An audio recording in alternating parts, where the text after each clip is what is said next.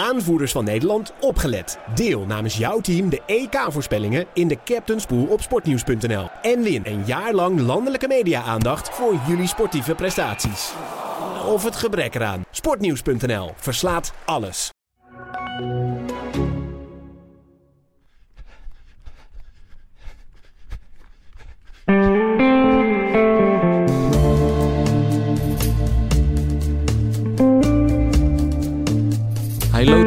Afrikaanse wereldtoppers vijfmaal naar een wereldrecord. Dus nu is het tijd voor de Pacer met de Pacer. Roy Hoornweg. Hij dacht afgelopen vrijdag, nu is het een keer mijn beurt. Ik wil die Guinness, ik wil de recordboek in. Guinness Book of World Records. Met een loopband marathon. Dus 42 kilometer, 195 meter op de marathon. Daarvoor moest hij flink onder de 2 uur 18 lopen. Hij heeft een dappere poging gedaan op parkeerplaats in Papendrecht. Maar het mocht niet zo wezen. Een krampaanval en stroomuitval. Daarover later meer.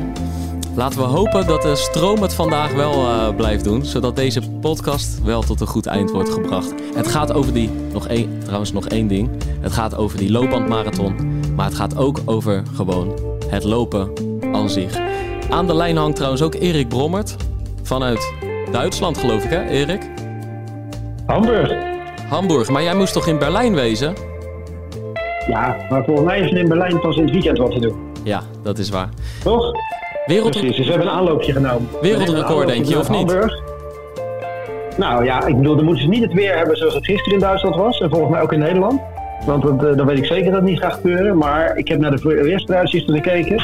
Het lijkt erop dat het weer uh, traditioneel mooi, uh, mooi weer gaat worden in Berlijn. Dus ja, hij heeft het aangekondigd hè, dat hij die wereldrecordaanval wil gaan doen. Dus ik, ik ben benieuwd. Ik, ik mag het aanschouwen.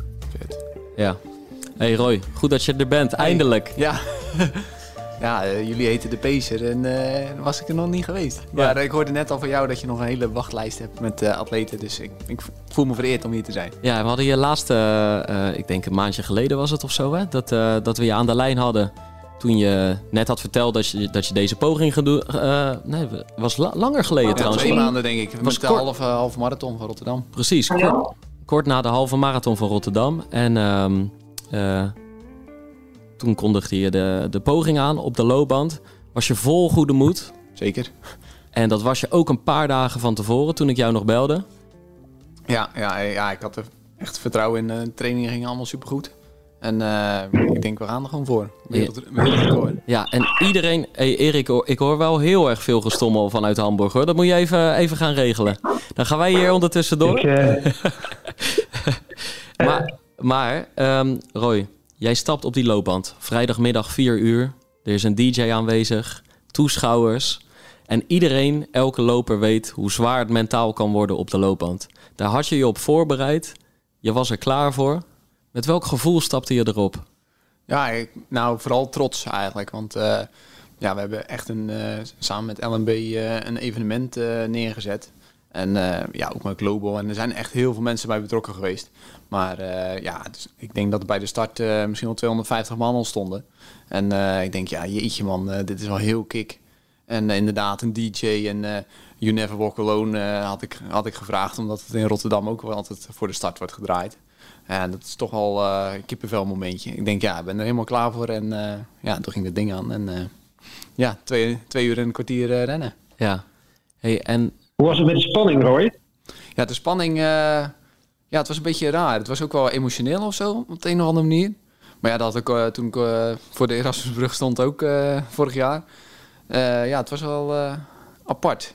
Omdat je, ja, je weet wel maar, dat... Wat, maar anders? Omdat ja, je... het was wel anders, ja. Het, je weet dat het pijn gaat doen. En ja, ik was wel super zenuwachtig, maar ook wel een soort van rust dat ik... Ja, omdat ik het gevoel had van, ik ben er gewoon helemaal klaar voor. Wanneer begon je het lastig te krijgen? Ja, al veel te vroeg. Ja? Ja, op 27 al, denk ik. En uh, ja, ik heb natuurlijk altijd in de warmte getraind. Ook uh, en binnen. En nu stond die loopband dan buiten. Ja, of dat er nou mee te maken heeft gehad of iets. Uh, ja, want ik, ik kreeg gewoon last van mijn hamstrings. gewoon echt veel te vroeg. Kijk, als je dat nou op 5, 36 krijgt, dan denk je nou, dat, dat trek ik wel door. Maar op 27 moest het tempo al zakken. Ja, en toen moest jij aan iemand vragen. Ja. Ga maar op een binnetje drukken. Ja, ja dat Terwijl je van plan was om dat iemand op het plusje zou gaan drukken. Ja, ja, ja want ik had de eerste halve marathon had ik gehad. En uh, nou, toen voelde het eigenlijk gewoon een dikke prima. En eh, toen zat ik al op 18 18,6 de hele tijd per uur. En eh, met 18,4 eigenlijk. eh, dus ik had wel aardig wat marge opgebouwd. Maar eh, ja, bij 25 zo irritant. Dan denk je, oh ja, shit. En eh, toen had ik wel gezegd tegen die eh, Henk, eh, was het. Eh, ja, doe maar echt een stuk flink naar beneden. Zet maar even op 17. En dat je het eruit kan lopen tot 30 en dan weer eh, doorpakken. Ja. Maar goed, eh, toen begonnen we wat anders eh raast. Ja. Dat weten we nog steeds niet. Maar wa- want protesteerde Henk nog? Nee, Zei nee, nee. nog van, eh, kom op man, weet je wel, we houden hem nog even op 18? Of was hij net zo verstandig? Ja, Ja? want eh dat hadden we ook echt wel doorgesproken van... eh, ik ben gewoon in charge, zeg maar. Want ik mag Ja. dat ding natuurlijk niet aanraken. Nee, dat waren de regels hè, van, Ja. van, van, zeg maar, om de recordboeken in te kunnen gaan. Ja, ja waren, dat had ik toen al verteld, een paar maanden geleden. Er waren heel veel regels. Ja, inderdaad, het ding niet aanraken. Moesten, het moest allemaal gefilmd worden en daarom ook de livestream. En eh, nou ja, dus er waren er nog wel veel meer. En eh, ik zeg, ja, zet maar flink naar beneden. En dat heeft hij gelukkig ook gedaan. En dan probeerden we weer langzaam eh, tempo op te pakken. Ja, en inderdaad, je- liet het al vallen. Toen begonnen er vreemde problemen ook mee te spelen. Wat, Ja. wat, wat was er aan de hand? Ja, nog steeds eh, geen idee. Ja, de, die- de, die band eh, viel uit. We hadden nog wel stroom. We dachten eerst eh, stroomstoring of iets. Maar ik had al eh, tegen, men, tegen de mensen, nou, DJ die al stroom verzorgde, had ik al gezegd: dat ding mag absoluut niet uitvallen. Dat kan out of the question. Gewoon. Ja, Dus hij had een eh, aggregaat en eh, daarnaast ook nog een accu. Dus stel dat het ding zou uitvallen, zou een accu het nog kunnen overnemen. ja. En eh, op een gegeven moment, eh, ja, ik denk op 36 of zo, st- stopt die band ermee. ja. Dus eh, ja, dan gaat er echt van alles door je hoofd. En, eh, maar het was heel gek. Want de tijd liep gewoon door. Het display was gewoon aan. Ja, ik, ik weet nog steeds niet... eh, ik word ook nog gebeld deze week. Van, eh, want ze gaan hem uitlezen van hoe dat dan kan. ja. Maar goed, eh, ja, dan moet je overstappen. En als je dan al tegen kramp aan zit... Ja, dan schiet het erin natuurlijk. Want even eerlijk, had je het anders gehaald? Nee. Oké, misschien is dat dan wel geluk bij een ongeluk, Ongeluk, toch? ja. Anders had het wel een enorme smet erop geweest. Ja, zeker. Dus eh, ik zat nog wel op, op het record van Paul, zeg maar. Dus Ja. hadden we naar buiten gebracht. Hij zit nog wel op Europees record. Maar het is ook Nederlands record. Maar goed, eh, Europees record, hè. Want even, Paul is eh, Paul Zwama, Ja, toch? sorry. Dus nu staat het eh, nog steeds, is het in de handen van een Amerikaan. Ja. Maar daarvoor was het in handen van Paul Zwama. Ja, zeker. Ja. Ja. Ja. Oké, Balen. dus, maar, maar dus jij moest als de wiede weer gaan op een andere loopband. Ja. En daar stonden mijn drinkflessen op en zo. Dus die moest helemaal leeg. Het was echt super veel stress. En eigenlijk duurde dat al te lang. En de tijd, eh, je mag wel overstappen. Dat stond ook in de reglementen. Maar de tijd moet gewoon alle tijden door blijven lopen. Dus, eh, En een snelle foto gemaakt van het display. Van hoe ver ik gelopen had. En hoe ver ik dan op die, op die andere loopband moest gaan lopen. Nou, het was echt... Ja, dat, ja, ik was denk ik twee minuten kwijt of zo. Erik, als ik dit zo hoor, dat, dat moet toch zo'n stressvol moment zijn. Terwijl je al zo ver in de marathon zit en volledig uit je ritme waarschijnlijk en uit je doen. Ja, het is volgens mij het laatste moment waar je op zit te wachten. Want dit is, dit, dit is echt een horror scenario natuurlijk. Ja. En je hoopt juist namelijk dat je op die loopband eh, juist dat soort onvolkomenheden natuurlijk helemaal niet, eh, niet hebt. Weet je, op, op, op de weg kan er wel eens wat gebeuren dat je een drinkfles mist of wat dan ook. Hier weet je in ieder geval van eh, het tempo blijft gelijk, de wind staat niet tegen, eh, alles klopt. En het enige wat tegen kan zitten is stroomuitval. En net als wat je met Roy wat je zegt, dat je wel alles mag gebeuren, maar dat niet natuurlijk. Nee, absoluut niet. En dan, eh, ja, ik vind, ik vind het nog knap dat je inderdaad dat je overstapt, kramp hebt en uiteindelijk er nog uithaalt wat, eh, wat erin zit. Want ik kan me ook voorstellen dat, eh, ja, dat het misschien ook wel even een momentje moeilijk is geweest. Ja, het is heel moeilijk geweest. Heel veel atleten waren er, eh, ook uit mijn loopgroep en eh, van mijn club. Eh, die zeiden ook van, nou, ik was gewoon gestopt. Want ja, de recordpoging zat er sowieso niet, niet meer in. Maar ja, op een gegeven moment, het was natuurlijk het laatste half uur. Want ja, wat ik zeg, het gebeurde op 36 of zo. Dus ja, ik had ook zoiets van, er stonden op een gegeven moment 400, 500 man te kijken. Ik denk, ja, ik moet gewoon finishen, wat er ook gebeurt. Ik ga gewoon finishen, ook al doe ik er twee uur en drie kwartier over bewijzen. Maar ja, we hadden een hele goede stalmeester. En eh, die zweepte het publiek lekker op. Nou, ja, dat gaat was het wel gewoon een super feest eigenlijk. Ook al was het voor mij geen feest, maar het publiek wat erachter stond. En eh, ja, dat was toch wel weer kippenvel een momentje. Ja. Het publiek bleef gewoon staan. Het was niet net zoals in een voetbalstadion, dat het op, op het moment dat het niet meer in zit, dat je al mensen weg ziet lopen. Nee, nee, nee. Ik denk dat er alleen maar mensen bij kwamen. Ik heb ook geen witte, witte doekjes gezien of zo. Want, eh, nee hoor, nee hoor. Dit was echt... eh, nee, ze stonden echt als een huis achter me. Dus eh, dat echt respect. Ja, want... En hoe, ziet dat er, hoe ziet dat er voor de toekomst nu, nu uit? Heb je zoiets van, ja, dit heb, ik heb dit een keer gedaan, maar ja, het is mooi geweest? Of heb je zoiets van, dit was niet helemaal zoals ik had gewild, dit ga ik nog een keer overdoen? nou, ik heb het met mijn vrouw al over gehad van, als ik het nog een keer ga doen, want ja, ik vind het toch wel wat hebben dan ga ik het in ieder geval niet zo groots opzetten. Maar dan, kijk, er zijn een aantal regels. Er moeten dus in totaal twee mensen van de tijdwaarneming en twee mensen, spectators staat er dan. Dus uh, uh, die moeten erbij zijn. En dan een coach. Dus uh, met z'n vijven en ergens drie hoog achter. En dan wil ik nog wel eens een keer op een loopbandje gaan staan. En dan opeens in de pers naar buiten brengen van, nou, hij heeft het wel gedaan. Maar niet, niet met 500 man omheen. dus het, het, het, kan je je daarvoor motiveren? Om dat dan in een heel klein gezelschap te doen. Want het lijkt me juist heel erg motiverend om het zoals je dat nu, zoals je dat nu opgezet hebt. Ja, maar uh, dat, zit dan, dat zit dan in me gewoon. Dat wil ik dan wel. Dat wil ik gewoon. Wel laten zien dat ik het kan. Maar goed, het moet wel in mijn programma passen, want het blijft een marathon. Ik ken, uh, ken nou nog moeilijk de trap af. Dus uh, ja, het is toch een extra marathon in het programma. Dus ja, dat is wel wat. Ja, ja, ik kan me voorstellen, het is beren gezellig. Het geeft, het geeft trots, het geeft steun. Je hebt het ook daardoor natuurlijk op moeilijke momenten heb je er wel doorheen gesleept. Waarschijnlijk, of tenminste, dat weten we niet. Maar dat jij uiteindelijk 42 kilometer en 195 meter hebt gelopen, was ook omdat er die 500 man staan. En ergens denk je, het had wel een tikkie laagdrempeliger uh, gemogen. Uh, nou, laagdrempeliger niet, want... Uh, ja, het blijft een marathon op een loopband. maar gewoon wat, met wat minder jij als middelpunt van, van een enorme...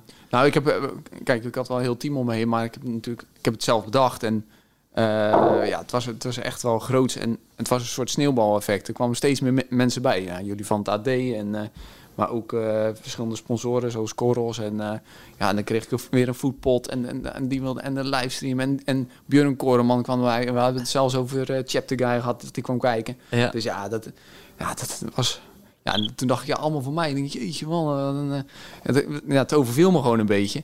En ja, dus het is ook wel kick, maar ja, het, was, het zat al aardig wat druk op mijn schouders, laat ik het zo zeggen. Ja, ja het is... Populaire jongen, Roy. Hey. Ja, nou ja, in het dorp, of dorp, ik mag geen dorp zeggen, stad. Dat, ja, toch wel, ja. Ja, maar ik, het, is wel, het is ook wel herkenbaar. Ik had het natuurlijk bij die marathon uh, in 2021 in, in oktober. Ja. Je, je wil het zeg maar zelf... Uh, je, je bent het zeg maar zelf de aanstichter van dat er uh, belangstelling voor ontstaat. Dat wil je ook graag. En op zich gaan wij daar wel lekker op. Ja. Maar dan is dat grote moment daar. En dan krijg je ineens door hoe groot je het hebt gemaakt. En hoeveel mensen er meeleven. Ja. En dat is fijn, tof. Maar ook gewoon heel spannend. Ja, het is heel spannend. Want ja. Ik heb al elke keer, uh, ik schreef columns in de krant. Ik heb zeven weken columns geschreven in aanloop naar de poging. Ja. En ik heb wel elke, bijna elke column, uh, sowieso de datum gezegd. Maar in elke column stond ook van, nou, het is geen zekerheid dat ik het ga halen. Ja. Want het is, het blijft een marathon. Het is zo onvoorspelbaar. En je, ik kan wel heel veel randzaken uh, wegnemen, maar ja, het blijft een marathon. En ja, dat is helaas uitgekomen. Ja, ja, want het is wel, want je uiteindelijk je bent hem gefinished in 2 uur 28. Ja, ik heb geen idee eigenlijk. Ja. Ik ben gefinished. Maar ik weet nog, want jij bent natuurlijk, uh, een, je hebt al een, een, loopcarrière achter de rug met ook heel veel meer korte afstanden. Ja. Het heb jij in corona in één keer dwars door de polder op een winderige dag. Ja. Heb je hem laag in de 220 of eronder? 218 hoog. 218 hoog, weet je wel. Dus dat niveau heb je natuurlijk gewoon. Ja. Ja, dus... Uh, ja, en anoniem, hè? Dat is wel duidelijk. Ja, en in anonimiteit. Ja, en dat was echt slecht weer, jongen. Want uh, het begon met regen, koud was het, de windkracht 5, denk ik. In het polder inderdaad. En uh, vier of vijf keer een rondje uh, van 7,5. Ja, dat, dat, was ook wel sterven hoor. Maar ja, dat, daar haalde ik dan mijn motivatie uit. Gewoon omdat er natuurlijk niks was. En ja, Henk mee op de fiets en een fotograaf om wel te bewijzen, ik heb het gedaan. Ja. Maar uh, ja, dat, dat, dat, vind ik dan leuk. Gewoon omdat we van hardlopen houden. Dat is het eigenlijk. Ja. Hey, we houden van hardlopen, maar niet iedereen houdt van hardlopen op de loopband. Als je, toch, als je toch, want, want er zijn mensen die, die, eh, die, die, eh, die, genieten van hun loopjes, maar dan gaan ze op vakantie. Um, en, of, of je gaat uh, voor je werk ergens naartoe. En dan is de enige mogelijkheid dan op dat moment de loopband. Soms omdat je in een veel te drukke stad bent, ergens in China, of uh, het is ergens veel te heet in Qatar. Of we krijgen hier straks sneeuw en ijs, gladheid. En dan heb je een weekje dat iedereen hier bij de Fit for Free uh, beneden staat op de loopband. Wat is nou jouw tip voor die mentale hardheid om gewoon op die loopband ook je kilometers te maken? Het, is, het is alleen de eerste vijf minuten. Dan Eigenlijk? Denk, ja, het is de, de eerste vijf minuten. denk je, ja, ik mag niet zeggen, maar dan denk je, jezus, dat is wat een verschrikking. Ik ben al een uur bezig. Oh nee, vijf minuten. En dan als je daar doorheen bent en je, en je loopt lekker, je hebt die flow een beetje, dan komt dat vanzelf. En zeker als je ergens op instelt van, eh, ik ga vandaag 20 lopen, of, of een keer 30. Ik heb ook een keer 35 op de loopband gedaan. Ja, dat geeft toch ook wel weer een kick van, yo, ik heb gewoon 35 kilometer op de loopband gedaan. hè. Ja. Dus eh, ja, als je dat gevoel hebt, dan, eh, dan is het allemaal te doen. Ja, maar het is wel inderdaad echt zo. Jij zegt vijf minuten. Ik, ik had het toen ik in Peking was in februari. Ik had het de eerste twintig minuten. ja. Eh, en die voelde dan als twee uur. Maar daarna, eigenlijk, gebeurt er dan in je kop en je lijf... Ja. wat er buiten na twintig minuten ook gebeurt. Ja, gewoon endorfine. Endorfine. Je voelt je vrij, gelukkig. Het kan je eigenlijk niet lang genoeg duren. En, en als je er dan uiteindelijk afstapt... Nou, dan neem je dat gevoel de rest van de dag of de week mee. En eigenlijk vond ik het daardoor ik had me er van tevoren niet op verheugd, maar gewoon me erop ingesteld van ik ga dat doen. Ik ga daar ook hartstikke veel lopen. En toen ik er eenmaal op stond, het was heel de tijd wat jij zegt, die beginfase, die is gewoon echt niet fijn, die Nee, is niet begin leuk. Ik begin ook veel te snel te zweten, weet je wel. Ja. Maar als je, dan, als je dat allemaal gehad hebt, dan denk je van ja. Want eh, dat vind ik zo mooi aan een loopband. Althans mooi. nou, als je eenmaal Ook niet dat- overdrijven, Nee, nee, maar eh, als je eenmaal in dat ritme zit... En ja, dat ding, dat loopt gewoon natuurlijk. Eh, dus je komt heel snel in een bepaalde ja, flow of cadans. En je hoort hem natuurlijk zoomen. Zo. Ja, dat, ja, dat is bijna... Ja, ik vind dat gewoon lekker tegenwoordig. Ik heb zoveel op dat ding gelopen, dus ja. Ah, jongens, maar weet je, als ik dan hoor, Tim, dat je, ik, ik, ik voel me vrij en het kan me niet lang genoeg duren. Sorry, maar dat ervaar ik toch niet op een loopband hoor. Nee. Ik, bedoel, ik, vind, ik, vind, ik vind een loopband vind ik, eh, vind ik een mooi alternatief. Maar het, nou, na 20 minuten zeg ik, het voel me vrij en, ik, eh, en ik, het kan me niet lang genoeg duren. Dat heb ik toch liever op de weg hoor. Nee, maar wij zijn ook meester in een beetje jezelf in de maling nemen, Erik. Ja, dat snap ik. Dus maar daarom, daarom om mij om even wat over te roepen. ik, heb, ik heb hier gewoon net een, eh, net een mooi rondje over zeg maar, de Hamburgse, rondom de Hamburgse Kraanse plas gelopen. Nou, daar voel ik me vrij en dat kan me niet lang genoeg duren, zeg maar. Dus je bent maar, je bent wel gestopt na één rondje dan? Wat zeg je? Je bent wel gestopt na ik, één ben wel, rondje? ge- ik ben wel gestopt na één rondje. Dat had ik me voorgenomen. Ik moest, eh, ik moest bij dit eh, in, inkomen hier in die podcast. Oh ja, dus tuurlijk. eh, ja, ik had, ik had een goede reden om te stoppen. Ja. Maar het liefst, zou- het liefst zou ik het nog een stukje verlengen, inderdaad. Dat, eh, dat sowieso. Hoe zien jouw komende Dat, dagen eh, eruit, Erik? Ehm, wij gaan vanmiddag hier, eh, we gaan zo uitchecken. We gaan vanmiddag hier weg. Dan gaan we in de middag gaan we even naar, naar Rostock, wat meer het, het, het oosten van, van Duitsland. Daarna naar Rügen, dat is aan de Noordoostkust. Daar blijven we een paar dagen in, in de buurt. En vanaf vrijdag ga ik naar Berlijn toe. Ik heb daar een meeting met, met Adidas het hele weekend. Die zijn, zijn sponsor daar. En ehm, gaan, we daar, eh, gaan we daar op zondag eh, in ieder geval ook de marathon eh, bekijken. Maar is het nou vakantie Dus, of werk. Erik? Nee, het is, het is nu vakantie tot vrijdagmiddag 4 uur. En dan, dan wordt het werk. Oké, oké, oké, oké. Dus eh, nee, ik zit in, ik zit in een eh, groepje running speciaalzaken. Dat is een klein Europees groepje. Met specialisten. En die, die zijn daar uitgenodigd door Adidas. En we draaien daar vanaf vrijdag een programma. En op zondag is dan is, is de marathon. En dat is natuurlijk mooi. Ja, hey, waar, moet, waar moet ik Roy zo nog mee aan de tand gaan voelen, Erik? Nou, kijk, kijk wat, wat mij opvalt is dat Roy met heel veel liefde hoe heet het, in Rotterdam aan de start staat. Omdat er zo ongelooflijk veel mensen langs de kant staan. Tegelijkertijd hoor ik net ook dat hij er ook wel een beetje last van had met die loopbandmarathon. En dat hij ook wel graag in de anonimiteit eh, rondloopt. Dus ja, ik denk een hele belangrijke vraag waar je straks moet vragen. Gaat hij dit voorjaar de marathon van Veen lopen? Of staat hij in Rotterdam weer aan de start? Ja, Weet ja, je? Dus daar zou ik in ieder geval met hem over aan de gang gaan. ja. Eh, nou, of hij nog een keer die loopbandmarathon gaat doen, ja, dat weet ik niet. Ehm, ik, hoor hem, natu- ik hoor hem natuurlijk toch heel stiekem nog over Parijs praten. zeker. En, en ja, misschien daar even over spreken. Maar wat ik er bij Roy eigenlijk het meeste altijd uithoor, is dat het een ongelooflijke liefhebber is van het lopen. Dus ik denk ook dat je gewoon, eh, net als jij zelf, dat je gewoon maar eens even moet praten waar die liefde voor het lopen nou vandaan komt. Ja, ja. Nou, Erik, dankjewel. Want eh, eh, ik hoef eigenlijk niks meer te doen. Hè? Ik hoef gewoon de vier vragen die jij net opgooit. Nee, die, nee. die zal ik straks even herhalen. En dan volgens Ja, mij wordt dat ja. gewoon een mooie aflevering. Is goed. Jij moet alleen nog wel één verklaring afleggen. Ik zie van de week een filmpje voorbij komen van jou met een stropdas. Ja. in een of andere soort, ja, dat leek wel een soort dance party. Ja. En ik zag ook dat je, dat je in Frankrijk hebt begeven twee dagen geleden. Wat is daar gebeurd? Ja, dus... Jij in een stropdas is voor mij echt zoiets van, nou, er, moet, er moet een speciale reden voor zijn geweest. Ja, dus ik, ik heb natuurlijk met de hoge, de wijze heren uit het noorden van het land heb ik afgesproken om tien weken lang gemiddeld, nou, in elk geval 100 kilometer in de week te lopen. Liefst meer. Het, het is toch afgelopen week niet gelukt, omdat ik van vrijdag tot en met zondag een bruiloft had uh, van twee goede vrienden in Zuid-Frankrijk. Het was wel een hele goede reden, want uh, ik mocht de Babs zijn, dus de buitengewoon ambtenaar van de dat? burgerlijke stand. Gewoon de trouwambtenaar. Zo. Dus ik was gehuld in trouwtoga, inclusief bef om mijn nek. Ik weet niet of je dat wat zegt. Moet je even googlen misschien. Ja, ongeveer wel, maar jij hebt het huwelijk voltrokken, even duidelijk. Ik heb het huwelijk voltrokken en een lange speech. Dus ehm, zij dachten, wie moeten we voor 150 uh, vrienden en familie uh, neerzetten om de boel Frans? aan elkaar te praten? In het Frans ook nog. Oh, ik dacht voor 150 euro. ik zit er nog geld in broek. Nee, nee, nee, nee. Dus uh, dat was echt schitterend. Maar ik heb mijn loopje gisteren even overgeslagen. Want uh, uh, van te, voor de ceremonie was het niet de bedoeling dat we al aan de drank gingen. dus, dus dat was prima. Maar toen had ik daarna wel extra dorst, dorst gekregen. En toen hebben we echt een grandioos feest van de liefde van gemaakt. Dus Niki en Ewout zijn inmiddels man en vrouw. Maar dat was echt een, waanzinnig, een waanzinnig weekend.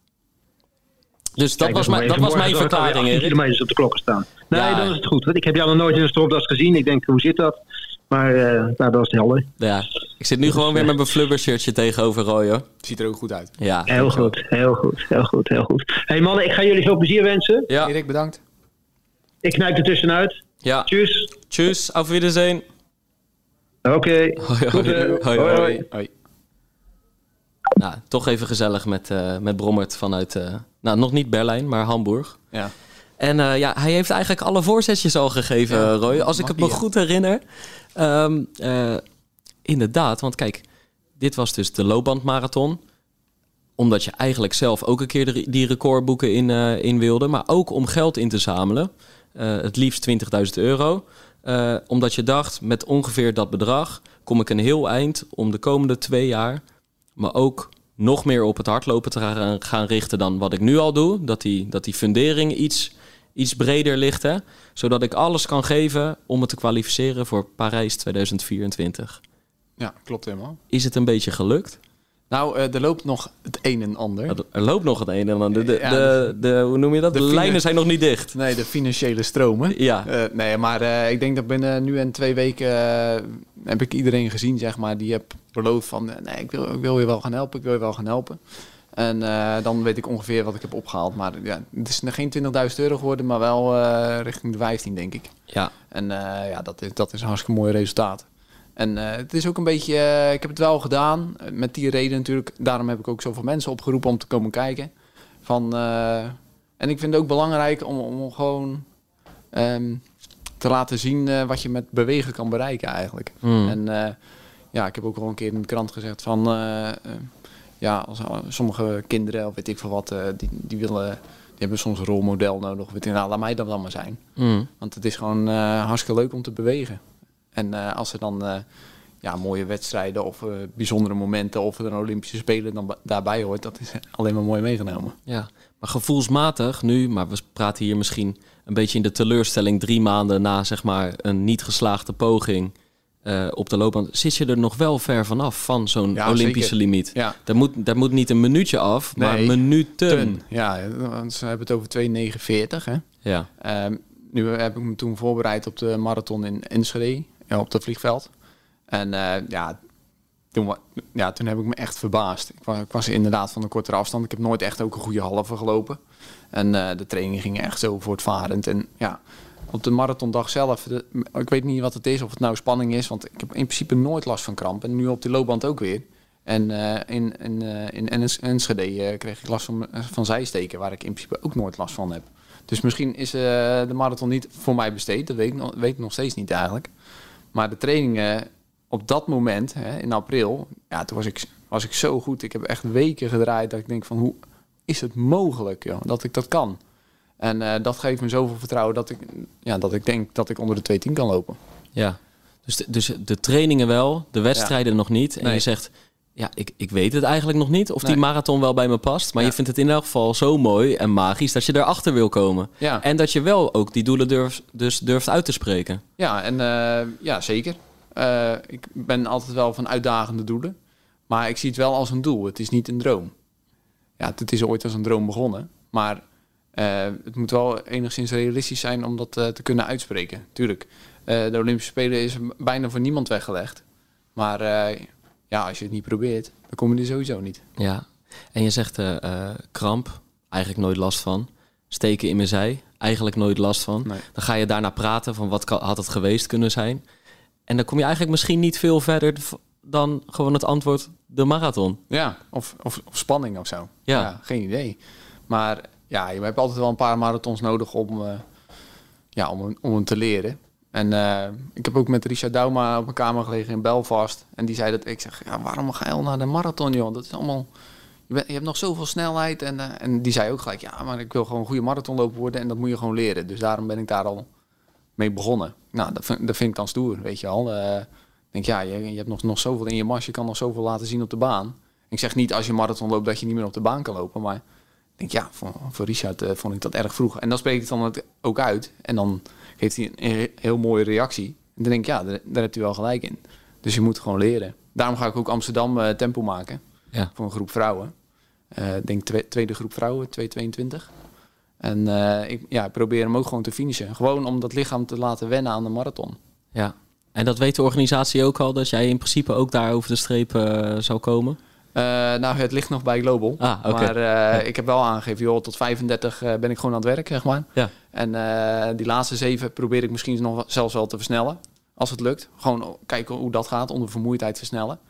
En eh, ja, ik wil gewoon een steady tempo eh, voor die vrouwen tot 35. En dan kijken wie er mee kan. Of ik wil in ieder geval finishen. Maar je zegt net, het doet nog wel een beetje pijn om de trap af te komen. Ja, dat wel. Het is al over drie weken. Ja, eh, vier toch? Vier. Ja, ja drieënhalf. Ja. Ja. Maar, kan dat? Eh, de tijd zal het leren.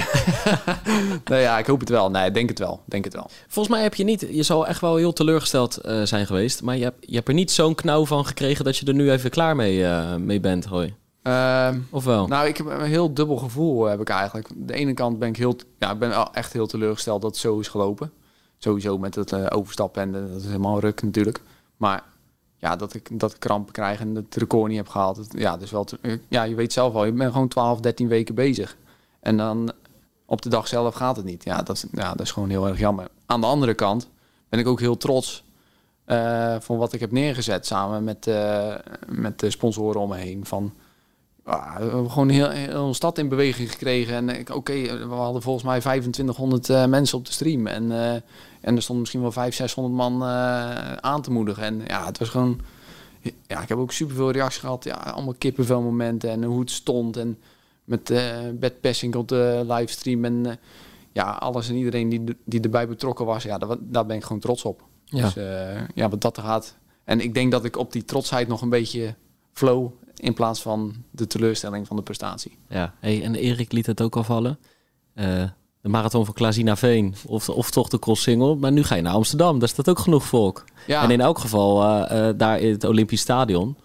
Dat, eh, dat voel je daar wel hoor. ja, dat denk ik ook wel. Ik ben, nooit in, Am- ik ben wel heel vaak gestart in Amsterdam, maar nooit gefinished. Omdat ik eigenlijk altijd uitstapte. En ik denk, ja, ik probeer hem nu ja, probeer hem wel echt te finishen. Ik denk dat ik hem wel heel anders beleef, omdat je ja, toch de eerste 35 voor iemand anders aan het lopen bent. En daar ben je dan vooral mee bezig. Hè, drankposten, tijd en, en anders eh, wordt er voor je ge- gehaast en hoef je alleen te volgen. Dus ik denk dat het een heel andere, ander gevoel zou zijn. Maar eh, ja, ik heb er wel zin in. Ja, en je hebt, je hebt wedstrijdervaring genoeg, loopervaring genoeg. Maar toch, die spanning, is dat iets waar je mee aan de slag moet? Is het iets wat vaak opspeelt? Is het, is het, eh, valt het eigenlijk wel mee en maken we het nu misschien groter dan het, dan het is? Ehm, nou, ik, als ik voorheen, zou ik zeggen, in de, in de jeugdperiode. Eh, ja, toen hadden ze het over brekers en eh, bloeiers. Ja, ik was altijd een bloeier. Ik, eh, ik trainde me drie maanden helemaal de blubber.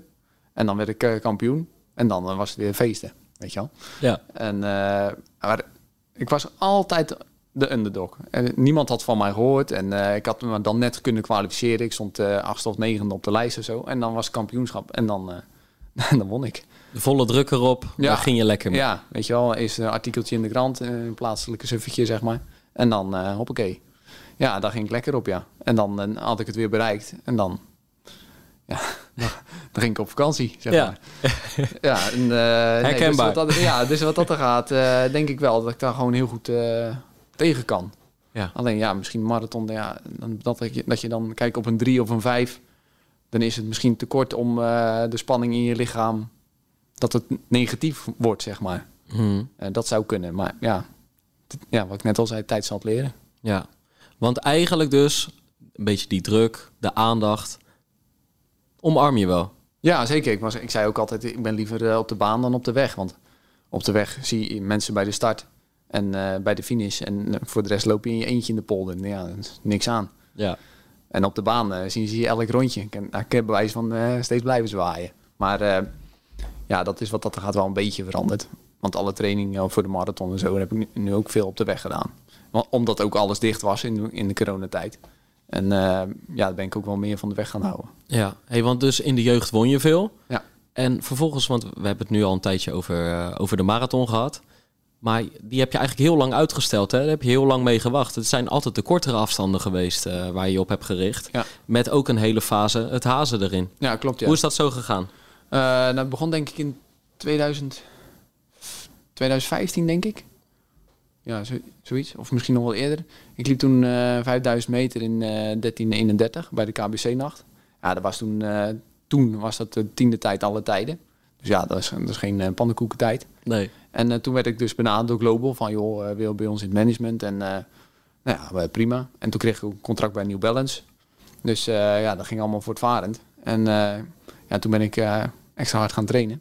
Want toen zat ik natuurlijk ook wel dicht op het limiet van, eh, van Spelen in, eh, in Rio. En eh, toen ben ik drie maanden naar Australië gegaan. Om daar al baanwedstrijden te doen in de winter. Want daar reageerde ik gewoon heel erg goed op. Alleen, ja, daar ben, daar ben ik gewoon over de kop gegaan. Ja? Ja, toen, we zijn ook nog een maand op hoogte geweest. En eh, al- dikwijls een bloedsmaak in mijn mond, weet je wel. Dat het echt veel te hard getraind, joh. Maar ja, dat was, wel weer een goede leer. En ja, toen heb ik twee jaartjes denk ik wat minder eh, gedaan. En eh, toen kwam dat NN Running Team. En ze hadden van Global al een paar keer gevraagd... joh, wil je hazen? Net zoals de Ethiopian Trials. En, eh, en dat ging allemaal heel erg goed. En ja, omdat ik eh Jury van der Velde goed ken... en, en Adi natuurlijk coach van Joshua. Dus Van had Chap the Guy. van ja. Chapter Guy, ja. En die, ja, dus wat dat er gaat, heb ik ook een beetje mazzel gehad dat ik gewoon al die contacten had. En ja, ze wisten dat ik heel goed op tempo kon lopen. En, eh, en zo ben ik een beetje ingerold als eh tempomaker in het NN Running Team. Ja, want ze vragen jou natuurlijk ook omdat ze weten... Roy kan je op een boodschap sturen. Die komt ongeveer door op de tijden die wij hebben uitgerold. Ja, toch? In ja, gedachten. ja. Je wil niet dat het... En, en, en dan ook nog in een strak tempo. Ja. En niet eh, gaan jojoen. Nee, precies. Ja, daarom hebben ze inderdaad altijd gevraagd, joh, als jij nou kan starten. Want ik heb, ik heb heel vaak gezegd van, ja, Afrikanen die hebben natuurlijk, die kunnen veel harder of harder lopen, langer volhouden sowieso. Maar ja, daar zit één knop op, het is aan en uit. Het is hard of zacht, weet je wel. En eh, maar als ze eenmaal in dat ritme zitten, eh, dan kunnen ze dat wel netjes doortrekken. En nou helemaal natuurlijk met die weeflight. Dus ik denk dat eh, mijn carrière voorbij is als, als tempomaker. Maar goed, het is natuurlijk belangrijk, zeker om wereldrecords. er gaat maar een paar seconden. Dat, je, dat de atleet waar het om gaat, dat hij wel gelijk in het juiste ritme zit. Eigenlijk van meter één. Nou ja, en dan- daar was ik toevallig heel erg goed in. Dus Ja. Nou ja, en, en eh, daar ben je hartstikke goed in. Maar, maar inderdaad, zo had ik er nog niet over nagedacht. Je hebt nu gewoon eh, het technologische voefje, de wavelight. Aan de binnenkant van de baan worden met nou ja, eh, lichtgevende knopjes... Ja. wordt eigenlijk als het ware het, het, het, de snelheid geprojecteerd. Zeker. Het schema waarop Ja, ze ja. moeten lopen. Bijvoorbeeld voor een limiet of een, een record. En dat heb je niet bij WK's en EK's, maar wel bij allerlei andere baanwedstrijden. Bijvoorbeeld de FBK Games. Ja, dus de hazen worden overbodig op de baan. Ja, Begrijp nou ik dat ja, nou goed? nee, niet helemaal. Niet helemaal natuurlijk, want je hebt natuurlijk wind en weet ik het allemaal. Maar vooral wat ik net zei met die aan- en uitknop. Ja, ze kunnen heus wel naar lampjes kijken natuurlijk. Ja. En eh, dus de eerste anderhalve kilometer, twee kilometer waar, waar ik normaal stond, ja, dat is nu vervangen door een lichtje. Ja. Maar goed, eh, ik hoop dat eh, Global eh, dat nog niet weet. ja, ja, ja. ja. Hey, en, en inderdaad, eh, eh, we hebben het niet over zomaar wedstrijden. Je hebt dat vaak gedaan, maar ook wel echt bij Chap the Guy 5 of 10 kilometer wereldrecordpoging. Ja, 5000, 10.000. 5000, 10.000. Ja, dat, ja. eh, ja, dat was wel magisch ook. eh. ja, dat motiveert mij zo dan om, om keihard te trainen. Dat, eh, dat heb ik altijd gehad in, in mijn carrière. Soms zeg ook, dus vanaf de jeugd al, denk ik, oh ja, oeh shit, kampioenschappen komen eraan. Even drie maanden hard trainen. Ja, dat- en nu doe ik dat wel grotendeels heel het jaar door. Omdat ik het er ook gewoon steeds meer ben van gaan houden. Maar ja, in het begin was het wel echt... eh, oh ja, shit, ik moet dan knallen en dan eh, moet, moet ik goed zijn. En dan kon ik ook echt alles laten vallen. Dus dan was ik echt alleen maar aan het trainen en zag ik mijn vrienden niet. En eh, ja, dat is echt crazy. Zo extreem. Ja, ja. En dan, ja, wat ik zeg, en dan had ik het en dan was het weer feest. Maar anders is het misschien ook niet vol te houden. Als het, als het jaar in, jaar uit zo... Nee, ik denk niet dat ik daar de persoon naar ben. Nee. Nee, ik, heb- ik heb ook in de beginjaren van Bart van Nuenen eh, eh, veel samen mee getraind. En eh, ja, Bart is een hele andere jongen dan ik. En ja, die kon zich zo full focussen op het lopen. Ja, ik was meer, veel meer naar buiten. En ja, daar heb ik nu ook profijt van. Laat ik, eh, laat ik eerlijk zijn. Want er stond wel 500 man te kijken. En, en die, die worden ook allemaal geenthousiasmeerd om wat ik doe en hoe ik het vertel. En daar ben ik heel blij om. Aan de andere kant, eh, soms wil ik ook gewoon presteren. En dan moet je dat soort eh, dingen ja, opofferen of ervoor doen en verlaten. Maar dat is eigenlijk... ehm, eh, dat is het soort eeuwige zoeken naar de balans, toch? Want je kan niet te lang tegen je natuur ingaan. Daar ben je waarschijnlijk gewoon veel te sociaal voor, Ja. toch? Veel te veel behoefte om mensen om je heen te hebben, om, Zeker. om, om drukke dagen te hebben, zeg maar. Ja. Of, of in elk geval een soort gevulde dag met leuke dingen. En aan de andere kant, dat, dat, dat zeg je net ook, er is een enorme toewijding of een drang naar toewijding en naar het behalen van doelen. Want anders zeg je niet van, yo, knop om. Ik ga er drie maanden voor. Ja. Ik train mezelf over de kop met eh, veel te vaak bloedsmaak in mijn bek. Ja, ja, ja, dat komt. Ja. Dat gebeurt natuurlijk niet als je de kantjes ervan uh, Nee, van zeker afloopt. niet. Zeker. Ja, en, en ik denk dat het komt omdat ik dat dan toch leuker vind. Uiteindelijk. Dus eh, als je dat op, op een weegschaal zou zetten, dan denk ik, als je een hele goede training hebt gedraaid en, en die, ja, eh, euforisch momentje zeg maar, ja, daar, daar haal ik dan zoveel voldoening uit dat ik dat dan liever doe dan eh, eh, een avondje met mijn vrienden. Zeg Ja, maar. ja. En toch is die verleiding er altijd ergens. Ja, en, en zeker, en zeker als er dan het hoogtepunt is bereikt, ja, dan kan ik daar, dan kan ik weer extra genieten van. Dus dan is de weegschaal is, is geweest en dat keldert dan eh, naar, naar boven of naar beneden. Dat ligt maar hoe je het eh, bekijkt. En dan, ja, dan denk ik, ja, nou vind ik het even belangrijk om eh, sociaal te zijn, laat ik het zo zeggen. Ja. ja. Wat, is, wat heb je vrijdag of zaterdag gedaan? Of viel dat mee? Nou, vrijdag, Avond, hè? Ja. Vrijdagavond ni- niks eigenlijk. En We hebben pizza gegeten nog op kantoor. En ja, heel veel mensen waren bezig om eh, alles eh, af te breken. En eh, volgens mij heb ik dus... Nee, wat heb ik eigenlijk gedaan? Geen idee. Op de bank gelegen. nee, we hebben niks gedaan. Nee. En zaterdag, eh mijn vrouw ging naar de streamer zondag. En die hebben zaterdag eerst live zitten kijken. En nou, dat was ook hartstikke leuk, joh. En, en van het weekend, of gisteren, dat was zondag, hadden we buurtbarbecue. Kijk, Dus ik was gewoon weer tent aan het opzetten. En ja, was weer hartstikke gezellig. ja. Hey, ik, eh, ik bleef net even hangen bij, eh, bij die bloedsmaak. En in Australië, waar, waar zat je precies? En, en hoe hard trainde je dan? Nou, ik trainde toen onder de Nick Bidot. En eh, ja, waar Suzanne ook zit. Suzanne Krumens? Ja. En ja, die hadden gewoon... kijk, ik was gewend van Adi. Die stond eigenlijk altijd langs de baan. Die was altijd aanwezig. En ja, ik heb Nick Bidot denk ik in die drie maanden zes of zeven keer gezien. Oké. Dus, Coach op afstand. Ja, ik was daar wel. Maar eh, hij zat dan in Melbourne en ik zat in eh, Ballarat. En eh, daar zat een, grote loopgroep. En ja, dat was gewoon ja, rustdagen. Dat kon je eigenlijk niet aanvragen. Ja, in zes fout. En dan, nou ja, Wellicht. wel, wellicht dat je dan zegt, nou, is goed. Maar nee, het was echt, echt gewoon buffelen. En, en dan merk ik dus, achteraf gezien, merk je gewoon dat ik die sociale contacten heb gemist van thuis. Gewoon, ja, ik denk achteraf dat ik gewoon heimwee had. En dat ik daarom niet lekker in mijn vel zat. Ik denk dat het, ja, ik denk dat het daar eh, mis is gelopen. En toen heb ik me gewoon vol gefocust van, eh, gewoon blijven trainen, blijven trainen, blijven trainen. Ja, en dat, dat ging dus fout. Helaas. Ik denk dat dat wel eens onderschat wordt. Hè? Dat je, je moet natuurlijk ontzettend veel voor je sport over hebben. Anders kom je er echt niet. Nee. En daardoor hoeft ook niet elke training leuk te zijn. Of hoeft ook niet elke dag de dag van je leven te zijn. Soms moet, het gewoon, moet, je gewoon, Ja, moet er gewoon even gelopen worden. Ja, net zoals iedereen gewoon naar zijn werk gaat. zeg maar. Precies, precies. Alleen volgens mij is het bijna onmogelijk om op de lange termijn vaak goed in vorm te zijn en hele bijzondere dingen te presteren als je niet lekker in je vel zit. Nee, dat volgens is- mij gaat dat toch redelijk hand in hand. Ja, dat, daar ben ik ook wel van overtuigd. Als ik eh, gewoon supergoed in mijn vel zit en alles is gewoon thuis rustig en eh, met de familie en eh, met het bedrijf. En ja, dan, dan loop ik ook dan loop ik gewoon beter. Inderdaad, dat is echt zo. Ja. En zeker omdat ik eh, kan me wel bestempelen als een gevoelsmens. Eh, ja, daar heb ik dan echt eh, of, ja, last van. Maar ja, dan, dan als, dat, als, als de randzaken goed lopen, dan loop ik ook zelf goed. Ja, precies. Ja. En achteraf denk je dus echt dat heimwee daar een soort rol ja, in denk heeft ik wel. Ja. Ik voelde het niet als heimwee, dat niet. Zo heb ik het nooit gevoeld. Maar achteraf denk ik van toch bepaalde verkramping of zo gehad. En eh, dan maar stoïcijns door blijven trainen, terwijl dat je dan niet luistert naar je lichaam. Of niet durft te vragen van, joh, ik heb eigenlijk een rustdag nodig. Want ja, Nick, hey, Nick hè. Top of the bill, Ja. natuurlijk. Dus eh, ja, dat was het, denk ik. Dan dacht je, dan moet die gozer uit Papendrecht niet te vaak gaan zeuren over het schema. Nee, nee. Nou, dat, daar is het ook helemaal de man niet voor. Dus eh, nee. Maar goed, ja, het was wel een hele ervaring. En Ja. ik ben blij dat ik het gedaan heb, dat wel. Ja. Hey, en volgens mij maak jij nu gewoon zelf je schema's, of niet? Ja, klopt, ja. Ja. Ja, wel, een wel een overleg. Ja, hoe is dat zo gegroeid? En, en, en in overleg met wie? En, en hoe, hoe loopt dat? Nou, sinds mijn zestiende ben ik eh, al, eh, val ik onder Addy, Addy Ruiter.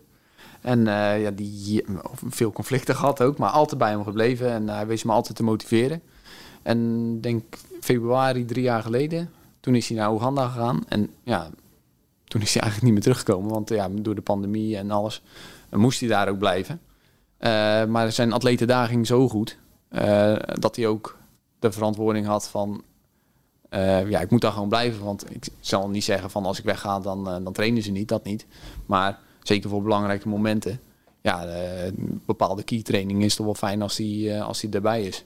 En ehm, toen ja, ging hij een beetje missen wat ik, wat ik hier thuis allemaal deed en hoe mijn planning was. Ik heb tegenwoordig, eh, nou, tegenwoordig, ik heb nu eh, anderhalf jaar eh, twee dochters. Dus ja, die planning is wat dat gaat soms wat lastig. Toen had ik geopperd van, joh, zou ik zelf mijn trainingsschema's gaan maken?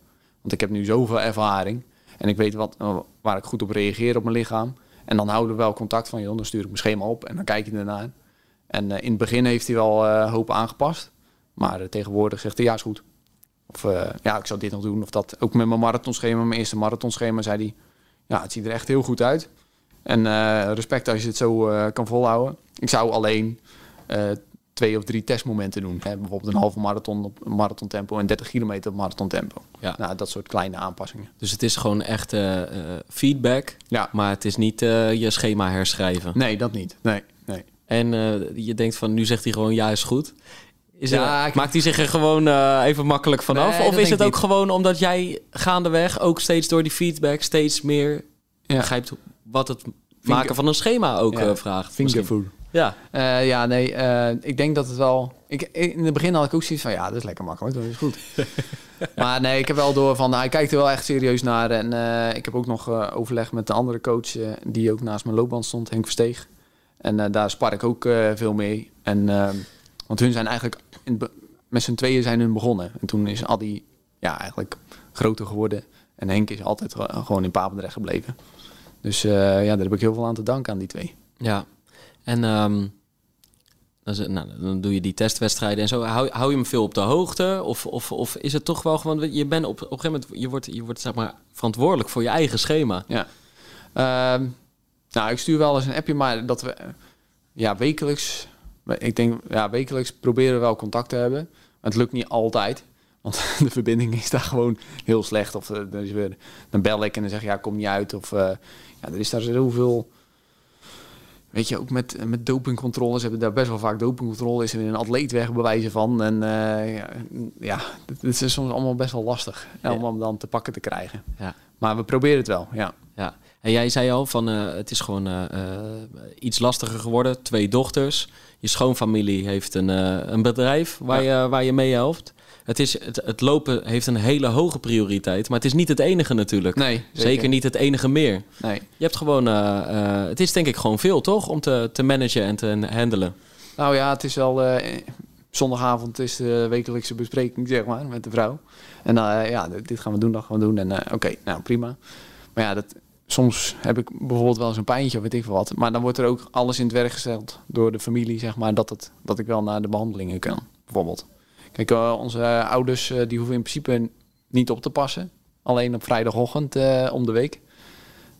Voor de rest doen we in principe alles zelf. Want ja, mijn vrouw en ik hebben het idee van...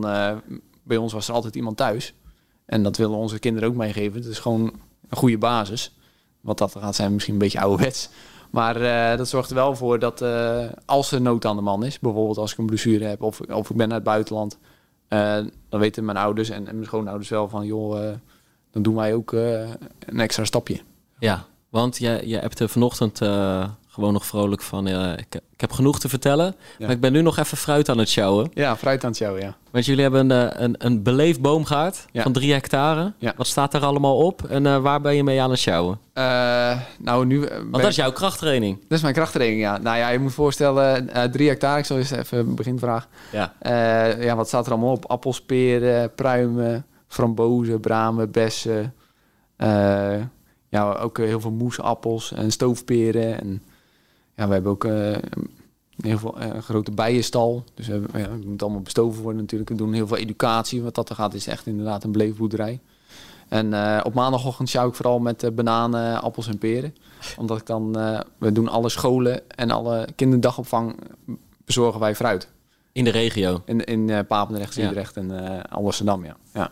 Dus dat doe ik, begin ik om 7 uur en dan ben ik rond 10 uur, kwart over 10 klaar. Altijd vroeg beginnen? Op maandag wel, ja. Op maandag wel. En anders is het 8 uur, half 9. En dan, uh, ja, nu zijn we druk met plukken. Dus uh, ja, ook veel, veel sjouwen. Ja, want hoe, hoe, zwaar zijn die kisten dan? Ja, 20 kilo denk ik. Oké. Okay. Dus, maar het is niet zo als een hele grote boomgaarden dat het allemaal lopende bandwerk is. Nee, het is gewoon, als je kistje vol is, dan moet je de rij uitlopen, op de trekker zetten. En dan ga je weer met een leeg kistje op een sleetje. En dan staat de kistje staat op een klein sleetje. En dan kan je, loop je zo alle bomen af, zeg maar. Ja, en, en zie, ziet de familie jou dan ook uh, met squats en lunches daardoor die beleefboom gaat... Uh, uh, nou, of of is het gewoon netjes, passend op het ruggetje, kistje voor kistje... en ook nog wel denken van ja, er moet straks ook gewoon nog gelopen worden? Ja, soms, heel soms heb ik dat. van als ik, als ik weet dat een belangrijke training komt, dan doe ik niet te gek. Maar uh, je kan ook begrijpen dat uh, er moet ook gesnoeid worden, onderhoud aan de bomen. En er zit de hele uh, windhaag zit er om de boomgaard heen. Ja, dat onderhoud ik allemaal. En dat is echt, ja, dat is gewoon buffelen. En ja, dat is echt mijn krachttraining, wat dat er gaat. En het is buffelen. En als je dan eerlijk bent, hè, even uitzoomt. Denk je dan dat het jou lopen helpt? Of ook wel tegen, tegenwerkt? Mm, nou, de, de schoonfamilie is zo betrokken dat ze ook rekening houden met uh, wat voor werk ik uh, die dag ga doen. Dus net zoals twee weken in aanloop uh, naar de loopbandpoging. Ja, volgens mij heb ik alleen... Um, ja, hoe, hoe, moet ik dat uitleggen? We hebben, zo zeggen, fruit aan jonge bomen. En dat, soms zit er te veel fruit aan. En dan gaat het natuurlijk hangen en dan knakt het takje. Dus dan moeten we het ophangen met een touwtje. Ja, ja zo simpel werken hebben we dus ook. Maar dat heb ik dan gedaan. Dus dan loop ik heel de boomgaard na. En dan uh, loop ik met een, met een klosje touw en dan loop ik al die takjes omhoog uh, te trekken. Of, of een paaltje eronder, zeg maar. Ja. Dat alle takken uh, netjes blijven. Even het laaghangend fruit weer omhoog. Precies. Dus, dus houden we wel echt rekening mee in wat voor fase ik in, in training zit. Dus dat is heel prettig. Dat, daarom is het ook de enige werkgever, denk ik, waar ik kan werken. Want ja, zeker in de beginperiode zei ik... ja, ik ben de komende maand ben ik er niet. Want ik ben in trainen in Zuid-Afrika. Ja, ah, is goed. Ik heb nog nooit gezegd van ja, het komt niet uit of uh, nog nooit. En toch, je bent daar, zeker als je in Nederland bent, ben je zeker drie dagen in de week, drie ochtenden gewoon ja. aan het buffelen. Dus ja. het is ook niet dat je uh, niet gemist wordt, zeg maar, als je wel een maandje uitklokt. Uh, nee, ja, het is wel, ja, dan komt er wat extra werk bij voor, voor de rest, zeg maar. maar ja. En heel soms is het natuurlijk, maar heel soms maakt het je wel ook gewoon een beetje moe, toch? Ja, want ja. zoals in de winter ik doe ik ook heel veel straten soms en ja, het, is wel, het is wel pittig. Maar mijn lijf is er ook aan gewend hoor. Ik merkte ook uh, als ik bijvoorbeeld een maand op trainingstage ging. Ja, dan ligt er natuurlijk veel op je bed. Ja, dan moest ik echt op mijn voeding letten. Want uh, ja, heel eerlijk gezegd, uh, net zoals voor, voor die loopbandvoorbereiding ben ik gewoon gaan snoepen. Want ja, ik viel alleen maar af. Je zoveel zweet. En ik kan wel zeggen, ja, het is allemaal vocht. Maar ja, ik, ik kreeg het gewoon met normaal eten kreeg het gewoon niet. op een gegeven moment woog ik 61,9 of zo. Ja. En dan met 1,87. Ja, dat is wel echt aan de magere kant. Dus ja, dat, ik moest echt aan wennen altijd als ik op trainingstage wacht. Van, dan, dan uh, moet je zelf aan zo'n touwtje worden gebonden, hoor. ja, ja, precies. dat ik niet wegwaai of iets, of dat knak. Ja. Maar uh, ja, dan moest ik echt wennen van let op mijn eten. Want uh, ja, anders was ik gewoon drie dagen intensief aan het werk. Want wat gebeurde er dan eigenlijk op zo'n trainingskamp? Ja, dan lig je op bed en dan niet dat ik me veel verveel of zo. Maar dan doe je natuurlijk... Ja, ik ben twee, twee s ochtends en s middags wel hard aan het trainen. Maar voor de rest van de dag doet het lichaam natuurlijk niet zo heel veel. Maar dan merkte je, dan, als je in de spiegel keek, dat je lichaam aan het veranderen was? Of? Nou ja, ik me- merkte vooral eh, dat eh, als ik het normaal bleef eten wat ik normaal eet, dat ik dan gewoon aankwam in plaats van Ja, eh, op hetzelfde gewicht bleef. Ja. Dus da- en daar moest ik dan op letten. Dus dan zie je eigenlijk hoeveel calorieën je verbrandt met gewoon dat bezig zijn daar. Ja, maar toch heb ik dat, eh, toch heb ik dat ook weer nodig. Ja. Ja, want anders ja, dan is de, is de balans denk ik weg. Want ik vind het gewoon heel erg leuk om te doen. ja. Hoe lang loop jij nog en hoe lang eh, blijf jij daar nog eh, kisten sjouwen? Nou, ik heb gezegd... Hoe zie je dat voor je? Eh, dat is al een gewetensvraag hoor. Ja. Want het is... Nou, het wordt niet opgenomen dit. Dus Nee. het is gewoon even onder ons. Oké, zo benader ik het dan maar. Ja. Nou, ik blijf sowieso tot eh 2024 lopen en misschien nog tot 2025. En dan ben ik eh 5, 36, dan heb ik 20 jaar nou, toch al gewijd aan het hardlopen. Toen dacht ik van, ja, dat dat- ja, vind, ik toch, vind ik wel mooi geweest. En natuurlijk, ik blijf altijd hardlopen. Want ik, eh, ik word niet zoals een voetballer die eh, uitgezakt op de bank gaat zitten, bijvoorbeeld. Maar hè, we houden te veel van het lopen. Dus, eh, maar dan stop ik wel met, met topsport. Dan gaat het gezin kom gewoon op één, zeg maar. Die staan nu op twee of op drie. Nou ja, dat mag je ook niet hardop zeggen natuurlijk. Maar Je hebt het wel net, net gedaan. Ja, maar soms is dat inderdaad zo. Ja, soms moet het gewoon even, even op één, eh, op twee, op drie ja, staan. Ja. Ja. En, en ja, met kisten sjouwen, eh, deze combinatie doe ik al jaren. En eh, ik denk dat ik sowieso ook tot 2024 eh, dat blijf doen, ja. ja. Hey, en wat is er dan aan 2025 zo mooi dat dat misschien nog een verlengingsjaar kan nou, worden? stel dat de Olympische Spelen haal, ja, dan is het gewoon heel leuk om ja, nog, gewoon nog een afscheidsjaar te hebben van... ja, ja, je kan ook zeggen, je kan op je hoogtepunt stoppen op te spelen. Maar ja, dan heb ik misschien... Ja, ik denk dat ik dan nog wel een jaartje doorgaan, toch? Ja.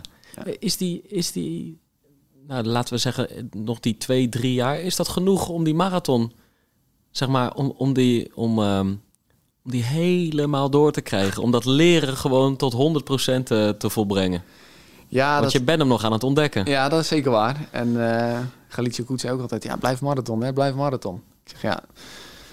Ehm, ja, ik, ik, ik hoop het wel eigenlijk. Dus eh, ik zeg niet dat het eh, in 2024 dan mijn laatste marathon wordt. Maar ik, ja, ik, ja, ik hoop hem te... Ja, als ik naar mijn carrière kijk, dan... eh net zoals een 10.000. Ik heb ook maar één... Je hoeft maar één hele goede marathon te kunnen lopen natuurlijk. En, en je bent er. En een 10.000 meter op de baan, ja, dat is, dat is ook zo, zo'n dingetje. Ja, dus ten eerste zijn er al heel weinig 10.000 meters op de baan. Ja, en, waar, waarvan kan je nou zeggen, ja, dat was echt een goede 10.000 meter. Ja, dat is ook maar één. Ik heb ook maar één hele goede 3000 meter gelopen op de baan. Ja? Ja. Zo zeldzaam zijn ze. Ja, vind ik wel, ja. Maar ik vind ook wel dat het proces, zeg maar... eh, ik ben uitgestapt dan in Enschede. Maar dat proces, nou, daar heb ik echt... Van die 12 weken, en misschien 15 weken... daar heb ik echt intens van genoten natuurlijk. En dat is eigenlijk 97%. En op die dag zelf is maar, is maar de 3% van de totaal 100. Hmm. Dus ik denk dat we vooral aan het genieten zijn van het lopen. En, en ja, het is maar een dagopname. Maar, ja, het is, dan moet het wel gebeuren natuurlijk. Maar ik geniet gewoon van het proces. Ja. Daar haal ik meer uit, laat ik het zo zeggen. Want waar ben je, nu je zegt, ik, eh, eigenlijk zijn ze zo zeldzaam, weet je wel, die ene goede wedstrijd. Waar ben je het meest trots op dan? Eh, ik denk, ja, die 1331 vind ik wel echt knettergoed. Die vind ik gewoon heel goed van mezelf. Ja. Wat was dat voor dag? Wat was dat voor race? Ja, ik, ik was eerst eh vier, vier en een halve week naar Roemenië geweest. Naar mijn vriend Marius Ionescu. Bij vele hardlopers wel bekend, denk ik. En, eh, Vertel, want ik ken hem, eh, ik ken hem niet heel goed. Oh, Marius. Ja, die, die loopt al sinds de steentijd mee. en die ben ik ooit een keer tegengekomen in Portugal, in Montecordo. En ja, er is gewoon een vriendschap ontstaan. En hij zegt, ja, je moet ook eens bij ons in de berg komen trainen. Heb ik dat gedaan. Nou, dat was echt killing gewoon. Dat was eh, 2000 meter eh, hoogte. Er was één hotel. Er was één weg naartoe ook. En de laatste eh, kilometer was, al, eh, was er al geen asfalt meer. En daar stond dan opeens een hotel. Met een atletiekbaan. Ook nog nooit gezien. De eerste twee banen waren van tartan. Toen twee banen asfalt. En toen twee banen gras. Echt. Hoe verzin je het? Maar goed, eh, daar 4,5 week geweest. En er was echt helemaal geen afleiding. Helemaal, ja, echt extreem goed getraind. En toen kwam ik terug eh, twee dagen voor KBC-nacht. En toen liep ik dan die 1331. Ja, dat was echt... eh, ik heb Aldi ook nog nooit zo blij gezien. Die was echt helemaal... eh, ja, echt knettergoed gewoon. Ja, dat was echt heel mooi om mee te maken. En jij dacht daarna niet van, ik ga vanaf nu altijd bij, nou, bij Marius op, op, op bezoek. bezoek. Of wel? Ik ben er nog één keer, la- nog één keer teruggegaan. Maar het, waren wel echt super barren. En ik heb daar echt mijn zwaarste duurloop ooit gedaan. Toen eh, gingen we 9 kilo, 18 kilometer gingen we doen, 9 kilometer de berg af. En we draaiden om, eh, slaat heel het weer om, zeg. Echt. Toen moest je nog omhoog. En omhoog en de storm, wind, ijzel. Het was echt... Ik ben nog nooit zo diep gegaan. Ik had mijn jack uitgedaan, dat had ik op mijn voorhoofd gedaan. Want ik had gewoon echt een frozen eh het. Dat was echt, dat was echt killing. Maar dat heeft me wel heel veel gebracht. Dus, dus die 1331. Ja, maar waar was dit? Want dit was niet in Boekarest. Nee, eh Piatra Astra Oké, het. Ja. oké. Het, was, ja, het, het was best wel een, grote loopgroep en die zat allemaal in een hotel. En die hadden dus allemaal niks te doen. Dus ze zaten eh, te ganzenborden en zo. En, ja, en ik heb een paar eh, woorden Roemeens geleerd. En ja, het, dat was wel een bijzondere tijd. Maar om dan nog een keertje lang daar terug te gaan. ja, dat is En is, is Marius een keer in Papendrecht geweest? Eh, hij is nooit, eh, wel een paar keer natuurlijk in Nederland, maar hij heeft nooit eh, gezien. Ik had hem ook uitgenodigd voor mijn bruiloft. Ja. Maar nee, daar, daar kon hij toen niet aanwezig zijn. Maar hij heeft Papendrecht dus no- nooit gezien. Hey, en is lopen in Papendrecht onovertroffen? Of is het toch goed om af en toe... ja, je hebt zeg, Zuid-Afrika, Montegordo, Australië. Je hebt eigenlijk overal... ben je misschien ook wel een keer naar Oeganda of iets geweest? Ja, Oeganda. Ja, Ja, precies. Is, is het een beetje lopen in Papendrecht? Ja, veel asfalt hè. Ja. Ja, dus dat, dat is wel jammer. En daarom eh, dat ik al vaak trainde op de loopband in het begin. Eh, maar het is het, ja, ik heb zo'n vaste ronde, le- lekker langs het water. Nu zie je het oude Dordrecht. Eh, nou, het is wel mooi lopen hoor. En vanaf Papendrecht kan je echt zo de polder in. Je kan echt, ik kan gewoon eh 35 en 40 kilometer duurloop doen zonder dat ik een stoplicht tegenkom. Dus eh, Alleen een tractor, alleen een tractor, ja. toch? Ja, ja, ja, met die marathon in de, in de polder ook. ik- Moest ik in de ankers voor een tractor. eh, ja. Maar geen stoplichten. Dat is wel echt luxe. Ja, dat is echt luxe. Ja. Als je dan hier in de, in de stad in Rotterdam denkt, ja, waar moet je hier lopen? Ja, langs de boulevard heen en terug. Of in het Kralingse bos. Ja. Nee, dan kan je beter daar lopen. Ja. Hey, en, ehm, eh, maar dat is wel echt serieus een dingetje. Ik heb vanochtend zeg maar om Rotterdam, dat is een rondje om Rotterdam. Eh, ja, dat is ongeveer 18 kilometer. Kom je toch 5, 6 stoplichten tegen. Ja. Dat is bij een duurloop is dat niet erg. Bij een interval kan het eigenlijk Nee, al niet. Dat nee. kan gewoon niet. Je Nee. kan niet, als jij zeg maar echt die dag een goede interval wil doen, kan je het je niet permitteren om tijdens je interval even anderhalve minuut bij een stoplicht te staan. Misschien maken we het ook net iets te maar. Ik bedoel, dan gaat de intentie van de niet. training. Ja, precies. Voor ons kan dat niet. nee, hoor. dat kan niet. Nee. Nee. Nee, ik, dat, dat- ik heb daar wel een beetje mijn standaard rondjes. En op een gegeven moment, dat heb jij ook denk ik, eh, weet je van, oh, dat is kilometer zoveel, dat is kilometer zoveel. En eh, ja, ik heb ook heel lang, er staat heel vaak zuidwestenwind bij ons.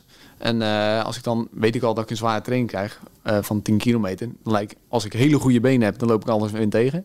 En als ik denk van, ja, ik wil dezelfde tijden halen, maar ik heb niet geweldige benen, dan loop ik alles wind mee. Dus eh, ja, en dan hebben we ook allemaal geen stoplichten. Terwijl dat, ja, Papendrecht is toch best wel een, een drukke, ja, het is toch gewoon een Randstad. Maar dat is gewoon goed geregeld. Ja. Van welke trainingen word jij nou echt gelukkig? Want je maakt je eigen schema's, dus je mag, je, je mag ze er zelf opzetten. Eh, ja, ik word erg gelukkig van eh, vier series eh 4x400. Of vier series van 5x400. Eh, ja, daar, daar reageert mijn lichaam gewoon heel erg goed op. Dus als ik daar bepaalde tijden haal, dus alles in rondjes eh, 66 bijvoorbeeld. Ja, dan denk ik, ja, nu ben ik goed. Ehm, En dan doe je met een korte pauze tussen de Ja, 400's en als seriepauze wat langer ja, waarschijnlijk. Precies. Ja, dus- en de korte pauze is zonder dribbel, een beetje 30 seconden. En eh seriepauze is dan 50 wandel, 150 dribbel. Dus dan heb je 90 seconden pauze. Ja. Ja, daar word ik wel eh, vrolijk van. En eh, als er eh 8 keer 1000, 6 keer 1000, 10 keer 1000, als er iets maar 1000 is, ik vind 1000 echt geweldig. En dan 200 dribbel, kan ik niet vaak genoeg doen.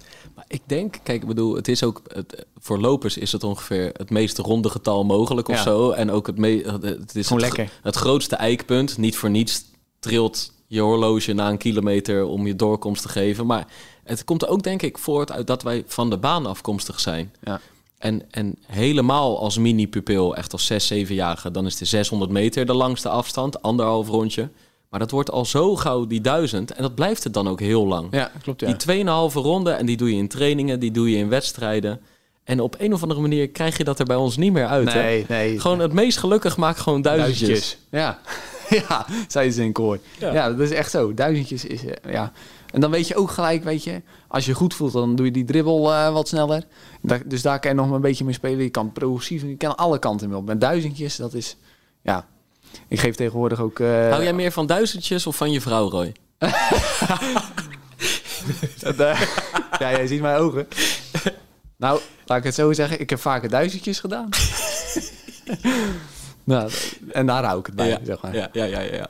Maar lekker toch, duizendjes. Wat, wat, Ja. wat is jouw snelste tijd op de duizend? Eh, officieel is het, ja, vreselijk, 2.30.01. Dus eh, ooit een keer bij Dak Brune gelopen. Eh, ja, dat is het echt killing. Maar ik heb, in training heb ik wel eens wat harder gelopen. Ja? Ja, 2.28. of zo. En toen was ik voor Joshua aan het trainen voor de haaswerk. Toen hij die 5000 eh, ging aanvallen, de wereldrecord. Ja, want dat was inderdaad... Tot, tot hoever heb jij hem toen gehaast? Ja, ik kreeg eh, last van mijn kuit. Ik was, eh, maar ik zou eigenlijk 1200 doen, maar het werd 1000. Maar dat geeft al aan hoe verschrikkelijk hard het wel Ja, niet gaat. Hè? ja. Dat gewoon zo'n goede loper als jij, want dat ben je... Ja. Het, het eigenlijk niet he- eens heel veel verder dan duizend kan, eh, Nee. voor hem kan doen. Ja, het was, en ik had de dag ervoor in Monaco had ik met hem op het grasveld gelopen. En ja, het is ongelooflijk. Hij zegt, ja, als we dan gewoon... eh, zo zei hij het letterlijk, hè. Ja, als we dan gewoon drie keer duizend in eh 2,35 doen... Ja, dan zit ik wel iets boven het record. Maar als ik dan gewoon nog vijf rondjes 60 loop, dan, dan pak ik het. Echt, dat dacht ik echt bij mezelf. Even serieus. Nog, en nog even vijf keer rondje 60 lopen, hè. Met dat al in je benen. Ja, met, dat, met dat. Dus dan kom je even 7,45 door. ja. En dan nog even, ja, nog even vijf rondjes 60, joh. Toen dacht ik, nou, deze jongen moet een hele goede doen zijn, want anders ga je dat niet zeggen. Na, na dat zinnetje kreeg jij er wel vertrouwen in. Ja, toen dacht ik, nou, dit, dit kan wel eh, heel gaaf worden, ja. Maar was dat nou ook die race dat hij uiteindelijk met die flap uit zijn schoen eh, liep? Of met die zool los? Of was dat een andere wedstrijd? Nee, dat eh, was Edith toch in Berlijn? Nee, maar hij heeft toch ook... Daar waren na afloop foto's van volgens mij. Dat, ik weet 100% dat dit op de baan ook bij Chapter het geval was. Oh, maar ik nee, weet niet of eh, dat bij die 5000 was. Nee, dat, dat weet ik niet. Maar jij zei na 1200 toen, eh, toen zat het erop. Ja, toen zat het er al op, ja. En, en de eerste doorkomst was? Want hij, hij vond 2,35 dus Ja, ook oké. 62. Ja, 61,9 liep ik. Ja, ja. Dus eh, perfect. Ja, 61, eh, 93. En dat was ook met die 10.000 zo. Dan was het rondjes 64. 25 rondjes 64. ja. Maar goed, het was rondjes 64. Of 63 zelfs. Dat weet ik even niet meer. Maar ik kwam ook eh, volgens mij eh 6301. Maar ja, volgens mij was het 63, rondje 63. Ja. Hey, en is het, ehm, het is natuurlijk dankbaar werk, maar ehm, maken ze dat jou ook duidelijk na afloop dat je een belangrijke rol hebt gespeeld? Eh, ja, Joshua wel altijd. Die is eigenlijk heel dankbaar. Eh ja, natuurlijk ook wel wat neergezet. Eh, niet altijd. Maar eh, ja, vaker niet dan wel. Ja? Eigenlijk, ja. Ja. Maar misschien zit dat ook een beetje in de cultuur van eh, dat ze het logisch vinden dat er hazen worden gevonden. En eh, dat zou kunnen natuurlijk. Ja. Maar en Jellem Zurf, eh, Ja. die de halve in Vrouw, liep. halve marathon? Ja, ja die, die is ook altijd heel dankbaar. En trainingsmaatje ook. die liep ook die halve marathon Belfast. Ja. De naam ben je even kwijt. ja, niet Guidé, maar die andere. Maakt niet uit, komt nog op misschien. ja, ja. Maar je zegt, eh, eh, nou, vaker niet dan wel, maar bij momenten laten ze je blijken dat ze, dat ze Ja, je dankbaar En dat zijn. zijn meestal de momenten waar het echt om, om ging. Dus, en net zoals wereldrecords, daar heb ik eigenlijk altijd eh schouderklopje gehad. Of dat ze een bepaald PR hebben gelopen. Of voor het eerst onder de 1,5 of zoiets. Ja. Dus Hey, en maakt dat haaswerk, is het, is het, levert het veel geld op, Roy? ja, meer dan, dan gewoon dat ik voor mezelf zou lopen, laat ik het zo zeggen. Ja. En zeker die 5000 meter eh, toen. Eh, ja, dat was ook een Diamond League wedstrijd. Dus dan word je gewoon goed betaald als eh tempomaker. En toen zei Joshua daarna, omdat hij het haalde, geeft prijzengeld maar aan de hazen. Dus ja, dat was helemaal, eh, was helemaal top. Ja. Nee, dat, eh dat wordt eh, goed voor de hazen gezorgd. Want wij weten dat eigenlijk nooit. En eh, jij bent gewoon een, eh, een open boek, toch wel? Dus ik ga het gewoon eens vragen. Wat, wat, levert, dat, wat levert dat op? Eh, nou, ik, ik, Ham- Hamburg doe ik al- eigenlijk altijd hazen en eh, Amsterdam. Dat zijn altijd de twee marathons die ik eigenlijk altijd eh, heb gedaan. En eh, ja, dan, dan is het wel tot 30. Maar meestal is het rond de 1500 euro. Oké. Kan ik gewoon zeggen hier toch? Ja, dat vind ik, ja, vind ik ook. Ja. Maar even kijken, 30, die kom je dan door in? Ja, eh, 30. Ik heb één keer, meestal haas ik voor vrouwen. Ja. Ja, dus een beetje 23 de kilometer. Dus eh, dat is eh anderhalf, 1 uur 40, 1 uur 45. Ja, dan zou je kunnen zeggen 1500 euro snel verdiend in 1 uur 40. Ja. Maar er is wat voorbereiding aan, ja, vooraf gegaan. Hè? ja, ik heb ook wel Dat zijn eh, ook al die uren in Papendrecht met tegenwind. Ja, precies. Dat zeggen wel meer mensen. En toen ik Rotterdam dan als eerste Nederlander... ja, dan krijg je gewoon goed startgeld. En eh, toen die woensdag daarna hadden we sprekersavond... met de ondernemersvereniging en, eh, en business, eh, Rabobank en weet ik het allemaal. Dus er stond eh, 120 man in die zaal. Toen zeiden ze ook, ah, wat heb je dan verdiend en, en dat? Ja, zo en zoveel. Zo, ik zeg, ja, zo. Ik zeg, eh, daar moet ik eh, vier maanden van leven, hè? Oh ja, oh ja. Ah ja, dat valt wel mee. Ja. Dus Want dat, dat is het met name. Kijk, bijvoorbeeld, eh, we hadden het net voor de uitzending eh, even over Galit Choukout. Ja. Weet je wel, die draait al zo, zo lang mee. En tegelijkertijd, weet je, het is gewoon echt geen vetpot. Nee, Want zeker niet. zeker als, nou ja, nee, überhaupt al in het hardlopen. Maar dan zeker als je je op een gegeven moment op de marathons richt. Ja, je loopt er, als je pech hebt, 0 of 1 per jaar. ja, Een beetje gebruikelijk 2 per jaar. ja. En heel af en toe zie je nu dat mensen er drie lopen. ja maar vanwege de schoenen. Precies, vanwege de schoenen. Dat het net wat, eh, net wat minder impact, net wat sneller herstel ehm, bij trainingen. En dan ook de, de aanslag op de marathondag zelf. En dan kan je natuurlijk wel, hij, hij liep, eh, we zitten hier op maandag, hij liep gisteren hartstikke goed in de Dam-to-Dam lopen. Je kan nog andere wedstrijden lopen, maar die echte marathons waar je misschien wel het meeste geld kan verdienen, omdat Ja. dat je hoofd...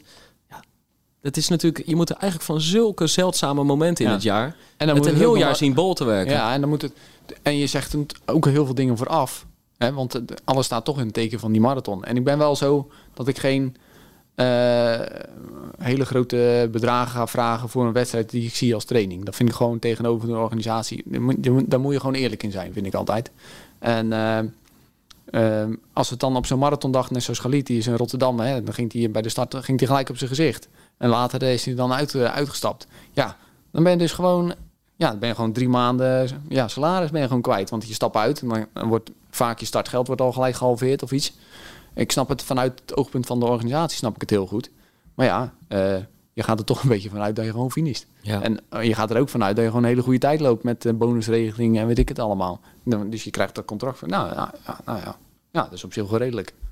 Maar ja, als je dan uitstapt, ja, dan zie je dat, dan, zie je, dan krijg je misschien een kwart. Dan mag je al in je handen klappen. Ja. Wordt daar geklaagd over onder hardlopers? Want we zijn toch eigenlijk iets aan het doen met z'n allen. Wat gewoon voor de, voor de op een paar happy few na niet zo heel veel geld oplevert. Nee. Nee, dat, eh, wat dat gaat, dus de scheefheid in de sport, daar ben ik altijd wel eh, heel kritisch over. Van, eh, als je ziet, joh, eh, ik heb dan aan de Johan Cruijff University gestudeerd. En ja, toen trainde ik gewoon twaalf keer in de week. En toen was ik wel een stuk jonger. En dan was gewoon een voetballer van Achilles, die zat bij mij in de klas. Die deed twee avonden trainen, één keer krachttraining en een, en een wedstrijd in de week. 2500 euro kreeg hij gewoon hè, per maand. Gewoon salaris.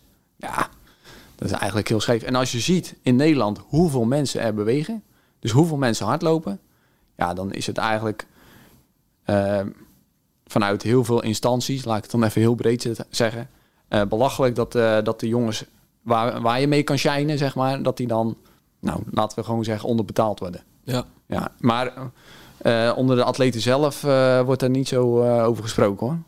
Dat, eh, we zijn dankbaar eh, dat we daar mogen lopen en dat we dat, dat. Misschien is dat het ook eigenlijk wel. Misschien dat we gewoon heel. We willen gewoon rennen.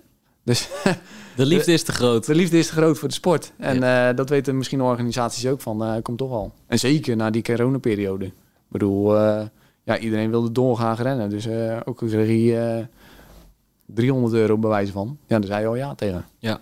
ja, want ik weet zelfs wel bijvoorbeeld gewoon ook, ook bij...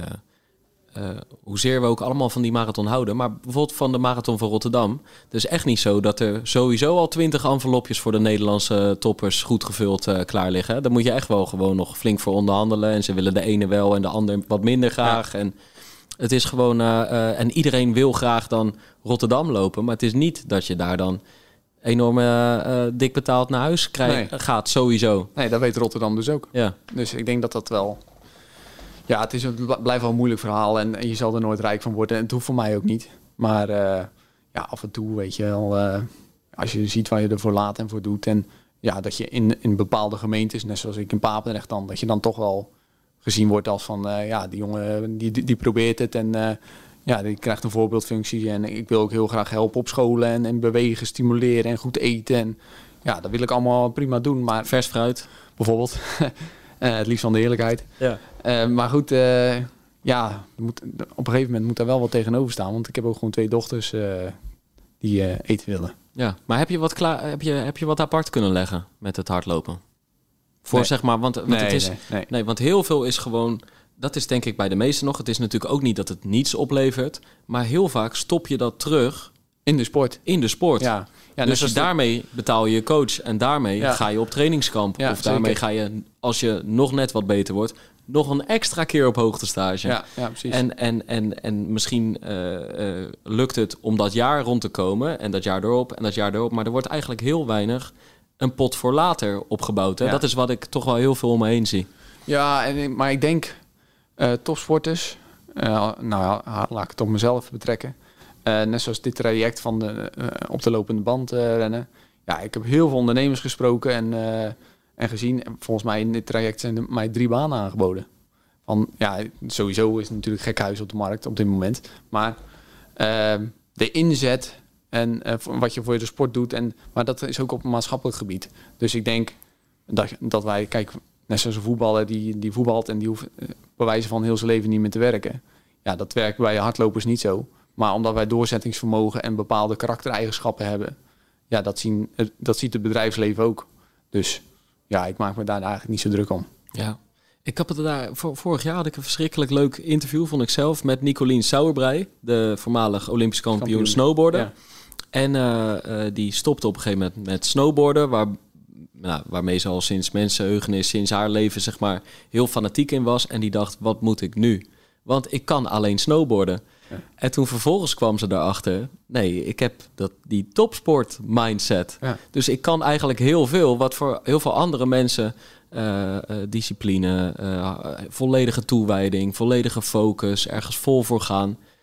Daarmee kon ze eigenlijk, merkte ze, van, al- dat zijn allemaal skills, weet je wel, die je in 20 jaar hebt opgebouwd. Ja.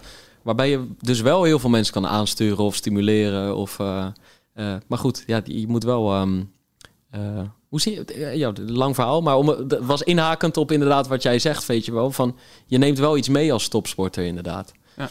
Maar is dat ehm, iets waar je dan na 2004, 25 mee... eh, Kijk, Ja. je kreeg nu drie banen aangeboden Ja. boden binnen een paar weken. Ja, ja nee, ik, ik heb altijd gezegd, eh, ik zie wel wat er op mijn pad komt. En het moet me wel voldoening geven en ik moet het leuk vinden. Dat, dat moeten we vooral niet vergeten, want in mijn carrière heb ik dat wel een paar keer gehad van... Ik was vooral met sponsoren bezig en eh, oh ja, nee, dan moet ik presteren. En, en dan vergeet je eigenlijk waarom dat je ooit op atletiek bent gegaan. Gewoon omdat je het leuk vindt. En, eh, Omdat die bidon tussen je benen belandde. ja, precies. En eh, nou ja, dat was natuurlijk helemaal geweldig. Maar ja, ik heb het altijd heel erg leuk gevonden. En dat is hetzelfde, eh, bijvoorbeeld naar school heb ik ook altijd heel leuk gevonden. Je moet wel dingen doen die je leuk vindt. En soms moet je daar dingen voor doen die je misschien wat minder leuk vindt. Maar dan heb je een bepaald doel gesteld. Uiteindelijk wat je wel leuk vindt.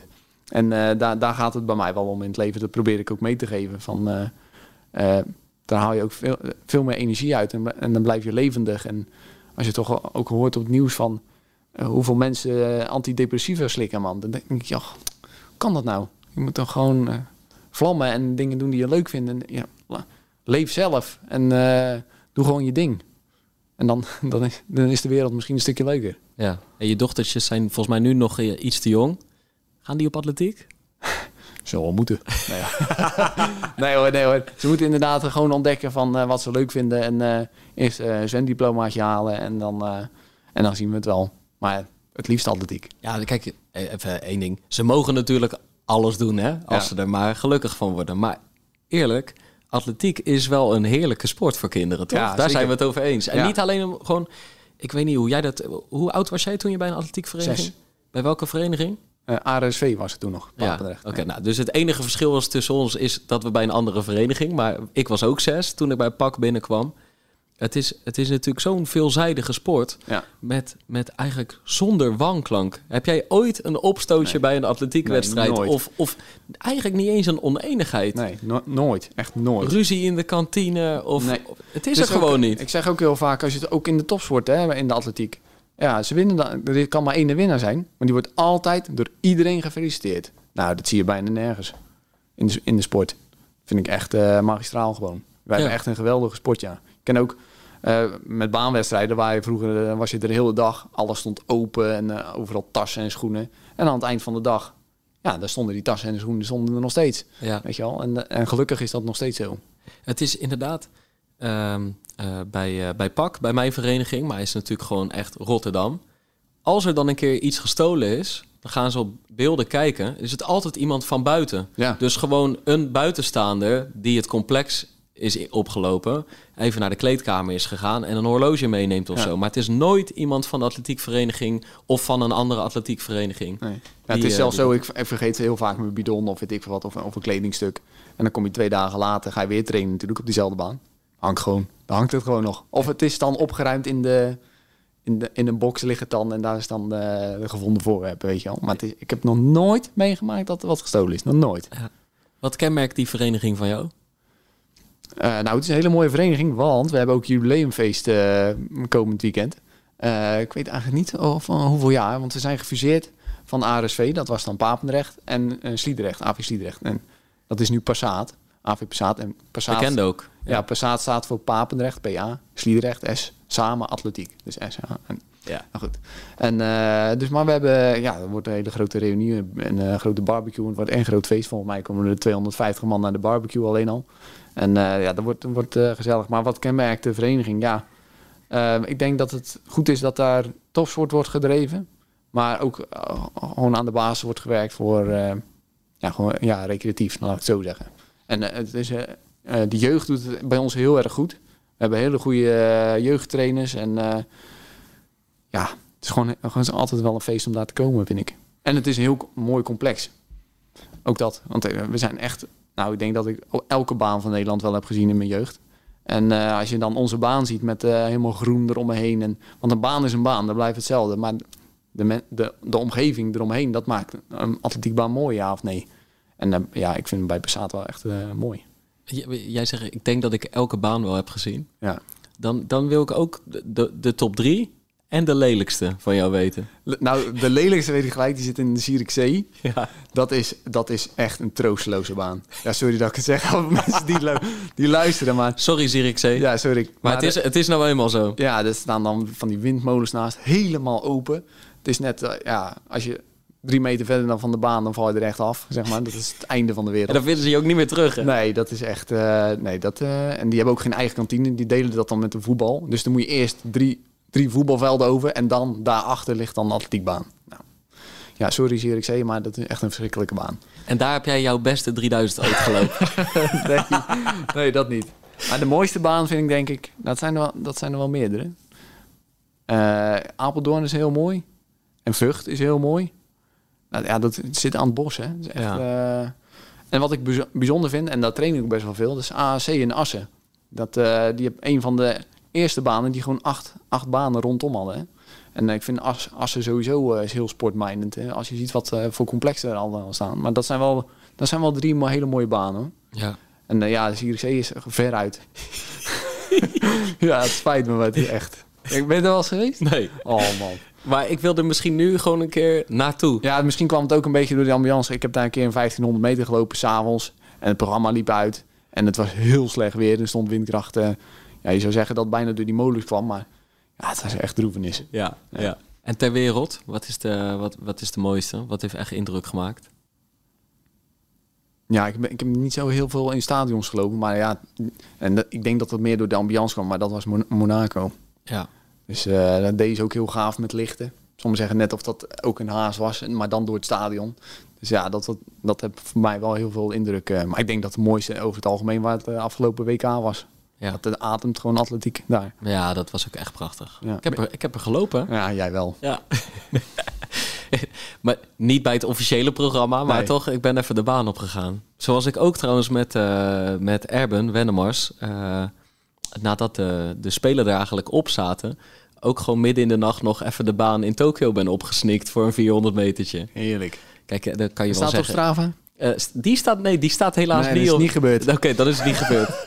Dan houden we er ook wel op. Nee, nee, nee, ja, hij, hij tikt me aan. Hij zegt, eh, Pim, wij moeten, toch, eh, wij moeten toch gewoon die baan op. Ik zeg, ja, ik zei, het is niet echt professioneel. Hè? Ik ben hier eh, journalist. Toen zei hij, ja, maar daar moet je gewoon even scheid aan hebben. We zitten straks weer in het vliegtuig terug en die kans krijg je nooit meer. En inderdaad, hij zei, wie gaat je tegenhouden dan? Dus ik ging een beetje om me heen kijken. Nou, ik zag vier verlegen, keurige Japanners daar nog een beetje...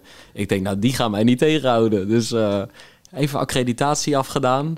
even in, weet je wel, incognito. En uh, nou, heerlijk 400 metertje. Ja, geweldig. Ja. Nou, dat moet je natuurlijk altijd doen inderdaad, want dat vergeet je nooit meer. Nee, toch? Nee. Hey, en uh, um, want dus die liefde voor de baan is groot. Um, wat vind je op, op de weg het mooiste? Mooiste wedstrijd? Nou, mijn doorbraak was een beetje met de 4 mijl van Groningen. Dus uh, ik weet nog ineens uh, ik denk dat het ook in 2015 was. Toen liep ik echt dicht tegen het Nederlandse koor aan. 1758 of zo liep ik daar. En toen hadden we zelfs wind tegen. maar daar was je op getraind. ja, en ja, dat was wel dat was echt wel een van de mooiste wedstrijden, denk ik. En ehm, ja, het is dan altijd zo hartstikke druk langs de kant. Maar ja, Rotterdam, hè. Rotterdam. Toch? Ja, tuurlijk. Daar, daar raakte je als uh, vijf of uh, zesjarig ventje verslingerd aan het hardlopen. Het ja. verhaal is bekend, want dat heb je verteld toen, toen je daar ging debuteren. Ja. Jij staat daar ongeveer ter hoogte van de Kuip. En naar wat blijkt, de latere winnaar, die gooit zijn bidon pardoes pal tussen je benen. Ja, ja. ja dat is zo is begonnen, ja. Echt waar. Ja. Ja, mooi. Maar inderdaad, dus nu eigenlijk antwoord op de vraag... oké, okay, over vier, drieënhalve week marathon van Amsterdam... tot en met 30, het liefst ook finishen. Ja. Hè, daar gaan we even vanuit. Um, maar dan, volgend jaar, in april... de marathon van Veen of toch de marathon van Rotterdam? Nee, Rotterdam. Ja. Tuurlijk. Nee, tuurlijk. We gaan Rotterdam doen. Van, uh, de eerste keer uh, dat ik jullie was heel indrukwekkend. En uh, ik had me wel aardig kunnen focussen en kunnen afsluiten. Ik heb wel mijn naam natuurlijk vaak voorbij horen komen. Maar ja, ik ga wel, ik ga wel weer voor Rotterdam trainen. Zeker. En um, met wat voor gedachten? Want dat is denk ik... Die horen al bij de marathons voor de Olympische limiet, denk ja, ik. zou kunnen. Toch? Ja. Nee, ja. ik wil wel echt een tussenstap maken. Dus het zou mooi zijn als ik rond de 2.12, 2, 2.12, 30 of zo. En dat is al heel fors, want ik heb natuurlijk 2.16, 38 gelopen. En dan haal ik uh, dik vier minuten eraf. Althans, dat hoop ik, als ik een beetje rond die 2.12. En dan heb je ook, denk ik, een mooi groepje Nederlanders. Of in ieder geval een groepje die de, de, ja, waar je gewoon uh, misschien wel tot 35 samen mee kan lopen. En ik, ik hoop ook eigenlijk dat ik dan... Uh, nou ja, niet, niet frisser over de finish kom, maar met een ander gevoel van... Het, het kan nog harder, bijvoorbeeld. Dat zou, dat, zou, dat zou het meest ideale zijn. Want uh, even kijken, bij je debuut was het op een gegeven moment gewoon wel echt leeg, hè? Ja, het was wel echt op. En uh, dan speelt ook. Ja, en ik had een paar cruciale bidonnen gemist. En dat, ik had twee bidonnen gemist en er zat toevallig ook mijn jelletjes op. Dus dat, dat was heel erg balen. En toen kreeg ik nog een jelletje op 35, want op 30 miste ik hem dus. En dat was eigenlijk net te laat. En daarom ging het op het eind zo, zo dramatisch slecht. Dus toen was echt de koek op. Want volgens mij heb ik zelfs 3,48 een kilometer gelopen. Maar wat is dat toch dat het gewoon altijd gedonder bij die drankposten is? Want je zou zeggen, juist die toppers, die mogen geen bidon missen. Nee. Want laten we eerlijk zijn, bij de recreanten gaat het altijd goed. Uh, eigenlijk omdat gewoon het tempo lager ligt. Ja. Er zijn genoeg vrijwilligers met genoeg bekertjes. En mis je er één, dan pak je het volgende, volgende bekertje. Ja. Maar jullie hebben een persoonlijke bidon met soms daaromheen nog uh, nou, een gelletje getaped, zeg maar. Ja. En eigenlijk hoor ik altijd als ik er toppers naar vraag, hebben ze er altijd één of twee gemist. En we kennen ook allemaal de beelden dat er ja, dat vallen, er valpartijen. Ja. Ja, zeker. Uh, ik weet nog wel in Amsterdam een paar jaar geleden was die kopgroep zo ontiegelijk groot. En dan is het, ja, die gasten lopen natuurlijk uh, allemaal dik 20. Ja, dan ben je ook zo voorbij tafels. En het is gewoon, dan denk ik, ja, je kan je vijf kilometer voorbereiden op dat die, dat die tafels komen. En dan gaan ze op 20 meter van tevoren, oh ja, mijn bidon. En dan schieten ze opeens, zonder na te denken, naar rechts. Ja, dan, dan wordt het vallen natuurlijk. Uh, ja, en wat, wat daar de oplossing voor is, geen idee. Ik denk dat je gewoon, in Amsterdam wordt er al heel goed over nagedacht sowieso, hè, met uh, eindcijfers. En daar staat dan uh, je bidon op. Maar ik denk dat je dat gewoon veel langer moet maken. Gewoon meer tussenruimtes. Oh, en, en, en aan beide kanten. Ook al pak je misschien met links wat minder goed aan. Ik ben links, dus mij maakt het sowieso niet uit. Maar goed, uh, ja, ik denk dat daar nog wel... Uh, daar moet echt heel goed over nagedacht worden. Sowieso, hè, drankposten. Want ik had nu met de marathon het loopband... ah, ja, was ik in de gelegenheid om elke 2,5 kilometer eh, wat te drinken. En eh, ja, alle onderzoeken wijzen ook uit. Ik heb er ook met, eh, met Global over gehad. Van als je een keer een marathon onder de twee uur wil lopen in een gewone stadsmarathon. Moet je er toch maar eens over na gaan denken om elke drie kilometer bijvoorbeeld een drankpost te gaan doen. En dat je iets minder opneemt. in plaats van een hele plons in je maag. En meer een soort continue ja, precies. toevoer. Ja, ik denk dat dat, uh, dat, dat zou nog wel een, uh, een puntje zijn ja, van verbetering ten opzichte van het wereldrecord. Maar ik weet inderdaad, uh, Erik die kan zich hier verschrikkelijk druk over maken. En dus die probeert ook de mensen binnen bijvoorbeeld de organisatie van de Rotterdam zover te krijgen. Om gewoon dat die drankpost te verlengen. Ja. Zeker voor de toppers. Gewoon waarom niet meer ruimte? Waarom niet meer tafels? Ja zodat er meer ruimte tussen zit en er ook langer de tijd is om... Uh... Ja, kan toch geen probleem zijn, zou je zeggen? Ja. Bedoel, uh... Maar vinden ze het dan niet belangrijk genoeg bij de meeste organisaties? Of wat is dat? Is het uh, conservatisme? Hele, hele of wat is vraag. het? Nou ja, kijk, het is hetzelfde als die vijf kilometer. Dat heeft ooit iemand geroepen. Ja, doen we elke vijf kilometer. Ja, waarom elke vijf? Waarom niet elke tweeënhalf? Waarom niet elke drie? Bedoel, daar, daar kan je best wel eens vraagtekens bij. Zeker, kijk, wij doen er maar een kwartiertje over, hè, over die vijf. Maar er zijn natuurlijk gewoon mensen die doen er uh, 35 minuten of 40 minuten over een 5 kilometer. Ja, dat is eigenlijk gewoon te lang. Ja, die hadden al lang moeten drinken. Die hadden al lang moeten drinken, ja. ja. Dus, uh, nou ja, tip voor de organisaties dan. Ja. hey, en um, uh, jij mist daar dus die twee bidonnen. En dat merk je dan in de laatste 7 kilometer ja. of zo. Volgens ja. mij uh, wat, jij finishte die dag als snelste Nederlander. Ja. Ik werd elfde. Maar mijn langzaamste kilometertijd, die was sneller dan jouw langzaamste kilometertijd. Nou had jij al ontzettend veel bonus zeg maar, ingebouwd. En je eindigde ruim 10 minuten voor me. Maar je donderde wel echt in elkaar. Ja. Op een gegeven moment was het gewoon echt leeg. Helemaal op. En dan, ja, als je eenmaal onder die kubuswoningen bent, dan, dan laat het toch wel weer op, weet je wel. Dan gaat het wel weer. Maar daarvoor was het even penibel. Ja, want heb ook hele stukken, denk ik, ja, oh, heb ik hier gelopen, weet je wel. Ja, ja, ja. ja. Ja, daar heb ik echt helemaal niks gezien. Nee.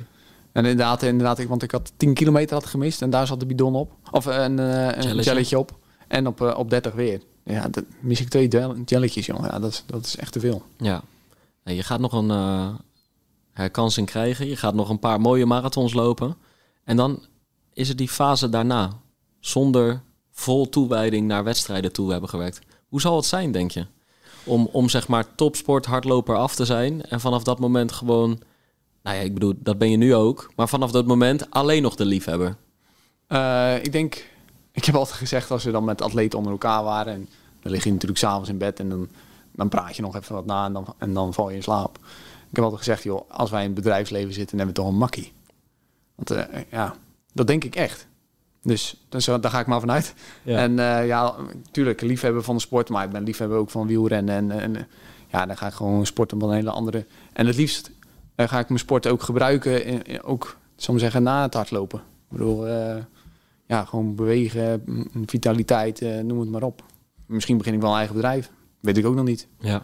Maar ga je het kunnen laten om bij wedstrijden niet gewoon volledig tot het gaatje te gaan? nee, dat denk ik niet. Zal gewoon nog steeds alle, alle trossen los zijn. Ja, dat denk maar ik wel. wat langzamer dan, dan nu. Ja, en ik hoop het wel. Ik heb wel eens gezegd van ik wil als veteraan wil ik nog onder de 30 minuten lopen op de 10. Maar ja, ik vind veteraan dan ben je pas 40 hè. Oké. Okay. Dat was in, in onze jongere tijd, toen was je pas als je 40 was, dan was je pas veteraan, niet 35. Ja. Dus, dan ben je uh, nog een jonge god, als ja, 35 jaar. Ja, daar zit ik al bijna aan. Dus uh, nee, dan, uh, dan moet je nog vlammen. Maar nou, dat, zal, dat, dat is nog wel een doeletje, zeg maar. Dus dan moet ik wel nog even flink blijven doortrainen. Ja, en, maar, want, want hoe vaak train je nu en hoe vaak zou je dan... Ja, ik bedoel, het is allemaal toekomstmuziek. Maar ja. hoe vaak denk je dat je nog zal lopen? Nou, het, ik, ik denk dat je misschien wel qua frequentie misschien wel hetzelfde blijft lopen. Alleen, uh, alleen dan is de druk eraf. Nu heb je toch wel eens van, ja, dan moet ik echt lopen. En dan wordt het echt van, ook oh, mag weer lopen. Ja. Ik denk dat dat uh, gewoon de setting wordt anders. Maar de plezier en het gevoel blijft denk ik hetzelfde. Ook al ja, de druk is er gewoon af. Maar ik denk dat ik wel gewoon evenveel blijf lopen. Ook twee keer op een dag? Of doe je dat niet zo heel? Uh, ik doe dat nog maar één of twee keer in de week hoor. Okay. Twee keer per dag. En ja. dan is het s ochtends vaak een half uurtje. En dan... Ja, wacht maar Pim, tot je kinderen hebt jongen. Dan, dan, praat je wel anders. Ja, nou ja, wellicht loopt er al uh, eentje ergens verdwaald rond. Maar voorlopig heb ik nog geen plannen. Nee, precies. Maar ik heb het aan Michel gemerkt. Michel Butter. Ja, ik Ja. wijs hem nu aan omdat hij meestal Ja. op die stoel zit. Hey Michel, oh Michel is er ook Hij is er niet. Mooi, iemand aanwijzen die er helemaal niet zit. Maar ehm, eh, die is natuurlijk gewoon even zoekende geweest. Want eh, dat vertelde hij laatst ook. eh, gestopt. En ook echt met de gedachte van, nou, nu ben ik topsporter af. Ja. Ontzettend veel gaan fietsen. Wat hij eigenlijk in de jaren daarvoor al van plan was, maar wat er niet helemaal uitkwam. En dan als topsporter of hardloper af. eh, deed hij dat eigenlijk vaker dan hij zich had voor kunnen stellen. Waardoor hij weer ontzettend fit werd. Comeback maakte. Eigenlijk gewoon weer topsport aan het bedrijven was. Limietpoging. Geslaagd. Maar net, Zeker. net niet naar de Olympische Spelen. Omdat er nou eenmaal maar drie mochten gaan. Eh, maar daarna begon het zoeken eigenlijk pas echt. Want toen ging hij toch nog Amsterdam. Om ook weer hoog bij het NK. En dan, nou, dat wil je eigenlijk niet meer. Want zo zag je het niet je leven nog jaren voor je. En nu is hij iets van plan in... ehm, ja, waar was het nou? Hij heeft het laatst verteld. In elk geval een, een lange trail etappekoers met ontzettend Ja, veel hoogtemeters. Ja. Omdat dat Is, dan dat in heeft elk hij al geval... gedaan hoor, volgens mij. Ja, nee, hij heeft in Namibië inderdaad al zo'n trail gedaan. Maar dit gaat dan over... ehm, ehm, dit wil hij met Edwin de Vries en zo gaan doen. Ah, oké. Eh, volgend jaar ontzettend veel hoogtemeters. ehm, maar dan gaat het natuurlijk niet meer om de tijd. En dan gaat het niet meer om dat je de andere Nederlandse topsporters de loef af wil steken. Nee. Eh, Het is inderdaad, dat zou jij denk ik straks ook hebben. Na twintig jaar dat het gewoon met die eikpunten in je agenda en zo. Het zal toch anders worden. Ja, maar dat, Michel is ook zo'n voorbeeld. Die is ook gewoon helemaal gek van lopen. Of van sporten of van bewegen. Hè? En eh, dat merk ik bij mezelf ook. Ik wil wel echt bewegen, want anders heb ik gewoon veel te veel energie. Ja. Dus ik, ik zeg niet dat ik ADHD heb of zo, maar ja, ik, moet, ik moet wel echt eh, elke dag eh, wat doen, zeg maar. En eh, ja, misschien is het doel niet zo hoog, maar we gaan, ik ga wel doelen stellen. Of het nou zakelijke doelen zijn of financiële doelen. Of, nou, dat laatste denk ik niet trouwens. maar ik ga wel doelen stellen, want ja, dat heb je al heel je leven gedaan eigenlijk. En daar voel ik me prettig bij. Dus ja, waarom zou je dat gaan veranderen? Heb je wel eens een heel zware blessure gehad? Ja, in, mijn, in beginjaren, toen ben ik een keer aangereden op de racefiets, aan de zijkant. En eh, ja, gewoon door kunnen trainen. En ik dacht dat er niet zoveel aan de hand was. Totdat ik eh, echt van de ene blessure in de andere eh, kwam. Ik heb mijn knieschijf een keer aan de zijkant gehad. Dat is ook niet echt een goed idee. En ja, met mijn heup en mijn, mijn Achilles gelukkig nooit. Ik heb mijn voet een keer, een middenvoetsbeentje gebroken. Dus toen was ik er ook een hele lange tijd uit. En, ja, dat kwam, en dat kwam allemaal uit één kant. En toen ben ik naar een manueel... Door die, door die aanrijding? Ja, achteraf. Want Ja. toen ben ik naar een manueel eh, therapeut geweest. En die zei van... nou, die keek zo naar mij. Ja. Hij zegt, ik denk dat jij twee of drie jaar geleden of zo... eh, heb je een flinke klap gehad vanaf de zijkant. Ik zeg, ja, hoe, hoe kan u dat nou weten? Ja, ja, dat kan ik zien. Nou, toen heb hij me... Ja, ik, werd, ik trok helemaal wit weg. Toen, toen hij me behandeld had.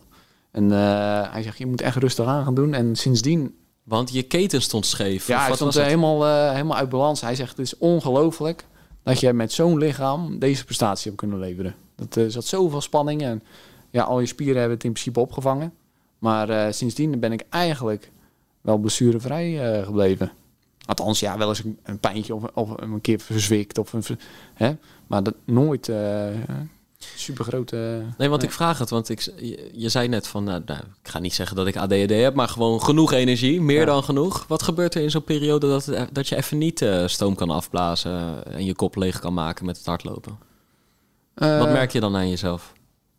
Ja, het is, een, het is een hele tijd geleden gelukkig. Ja, gelukkig wel. Eh, ja, wat gebeurt er dan? Ja, dan, dan pak ik weer andere dingen op. Ik bedoel, eh, ik zit eh, in de ondernemersvereniging zit ik ook in het bestuur. En eh, bij, bij de atletiekvereniging eh, doe ik het een en ander. En dan, dan ga ik wat meer werken in de boomgaard bijvoorbeeld. Ja, heel, er is genoeg te doen. Dus eh, Maar het is wel, want, want het is gewoon zo herkenbaar, zeg maar, dat, dat... Kijk, er zijn natuurlijk heel veel mensen in Nederland die zouden eigenlijk vaker moeten bewegen. En die zouden Zeker. vaker moeten sporten. En dan zijn er mensen die, waarbij het lukt om één, twee, drie keer in de week hard te lopen. Nou, top, weet je wel. Maar dan, dat zie ik aan bij bijvoorbeeld mijn huisgenoot. Het is toch elke dag, niet Sam, want die, die, die traint inmiddels onder bezielende leiding van, ze- van, van mij. Die, Zo. En die, is, eh, die, die, die loopt inmiddels de Kralingse Plas rond. lachend. Dus dat is top. Maar bij Jochem zie ik toch echt een voetballer. Het is gewoon heel even... Je weet dat je het lekker vindt, maar je moet toch elke keer weer een drempel over. Maar dan heb je ook nog onze categorie inmiddels. En dat is eigenlijk er is gewoon geen dag dat je er echt geen zin in hebt, toch? En als je er echt geen zin in hebt, dan komt het gewoon omdat die dag uitpelt met allemaal, andere dingen. Ja, klopt. Maar Maar al- zoals de zondag dus. Ja, geval. precies. Ja. ja, toen pelde mijn hoofd gewoon Ja, uit, uit. van- vanaf het opstaan eigenlijk. Ja. Zelfs je kater had koppijn. Ja, nou, en ik moest gewoon, kijk, dat scheelt ook. Want eigenlijk, die dag had ik echt wel willen lopen. Er is alleen ook nog een autorit van 7,5 uur. Ja, en als je die dan achter de rug hebt, je komt thuis aan, je hebt en honger, en het regent, en het is al donker.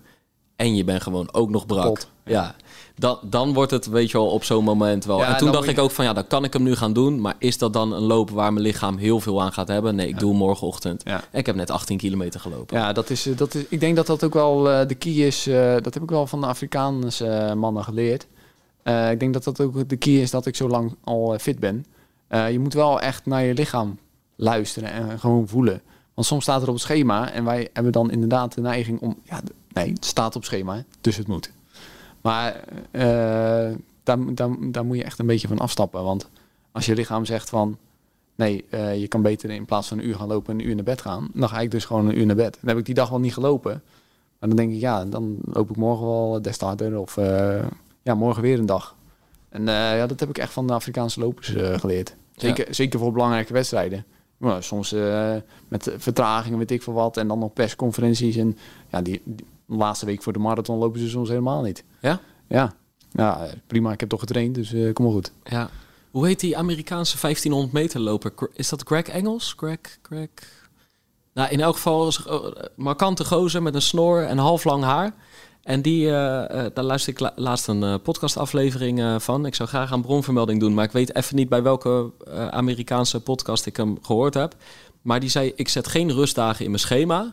Maar als ik voel op een dag dat ik hem nodig heb, pak ik hem meteen. Ja, en als het er ook. dan twee of drie zijn, pak ik ze ook. Ja, doe ik ook. Dus de insteek is zoveel mogelijk lopen. Maar als mijn lichaam echt aangeeft van, zou het niet doen? Dan eigenlijk, hij zegt, die twijfel, als je die bij jezelf hoort, is, moet al genoeg zijn. Want als je zoveel van het hardlopen houdt en als het zo erg in je ritme verweven zit, dan, dan is die twijfel er niet voor niks. Want op alle andere dagen heb je hem niet. Nee, nee, dat klopt. En dan ga je een keer naar, extra naar een mas- masseur of weet ik veel wat. En eh, laat je je lichaam goed verzorgen. Ja, ik denk dat ja, dan, dan kan je veel langer fit blijven. Dat heb ik weer, wel weer geleerd uit eh, Australië. De continuïteit. Dat is zoveel. Ja, dat zegt gewoon zo. Kijk, als je wel door zou trainen, die drie dagen bijvoorbeeld. En je loopt blessure, dan ben je er een week of twee weken uit. Dus ja, wat heb je dan uiteindelijk gewonnen? Mis je veel meer training. Ja, helemaal niks. Ja. Dus ja, dat. Maar soms vergeten we dat een beetje. ja. Dus je- uiteindelijk lessen uit Australië en Afrika mee naar Papendrecht genomen. Ja. Hey. Ja, maar je, je hoeft niet alles letterlijk over te nemen. Maar eh, ja, mijn vader zei altijd stelen met je ogen. Dus eh, dat doe ik dan maar. Ja. Of met je oren. Ja, ja, ja, ja, mooi. Hey, we hebben 1 uur 37 volgeluld. Oh, eh, echt? Serieus? Ik weet weet, wel serieus lang. Heb, heb, jij nog plannen of wat? eh, zit, je, zit je op hete kolen? Het is Ik- vijf, vijf over één Nee inmiddels. hoor, nee hoor. Ja, eh, nee, mijn dochter komt om kwart over twee uit school. Oh nee, half drie. Ik, ben, ik zit er nog niet helemaal in. Ze is net naar school gegaan. Dus Half drie. Zullen we gewoon de 1 uur en drie kwartier vol lullen? Ja, makkelijk, ja. ja, toch? Dan hebben we gewoon nog mooie zeven minuten. Waar, waar zullen we het eens over hebben in zeven minuten? nou, hoe gaat het met jouw carrière? Wat, eh, wat zijn jouw doelen? Qua lopen. Ja. Eh, eh, ik loop over zes dagen de CPC. Oh.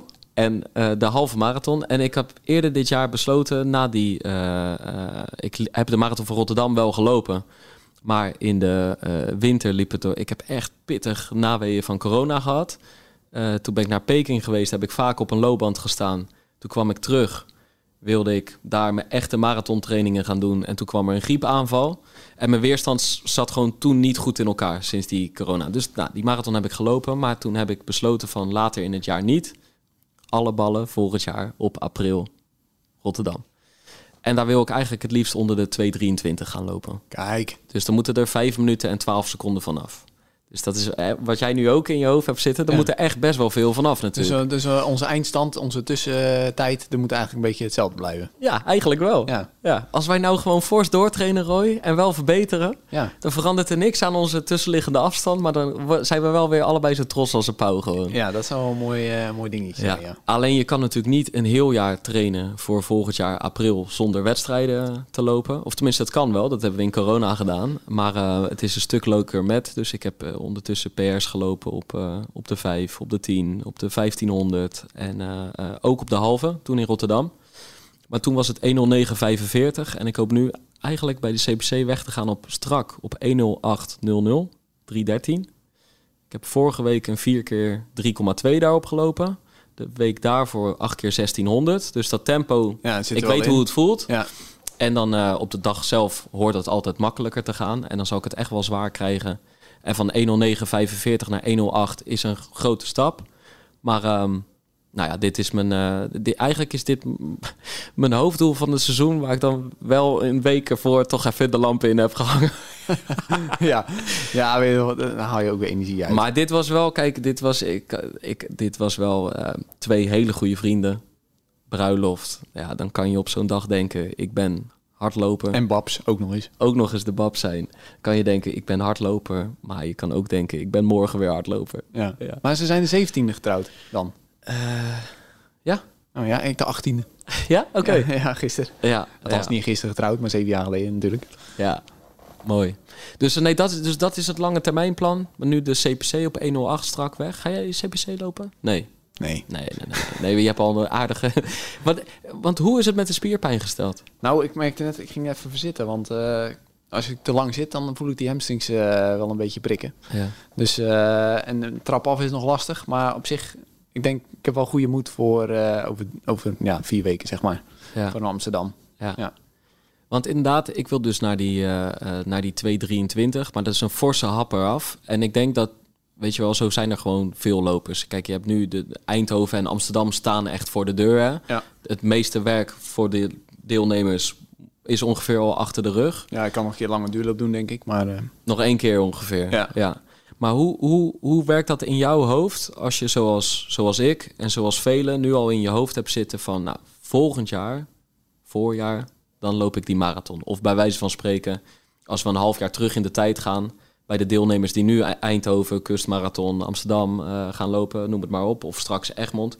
Hoe werkt dat in jouw hoofd als je weet zo'n heilig doel waarvan je voelt van daar word ik heel enthousiast van?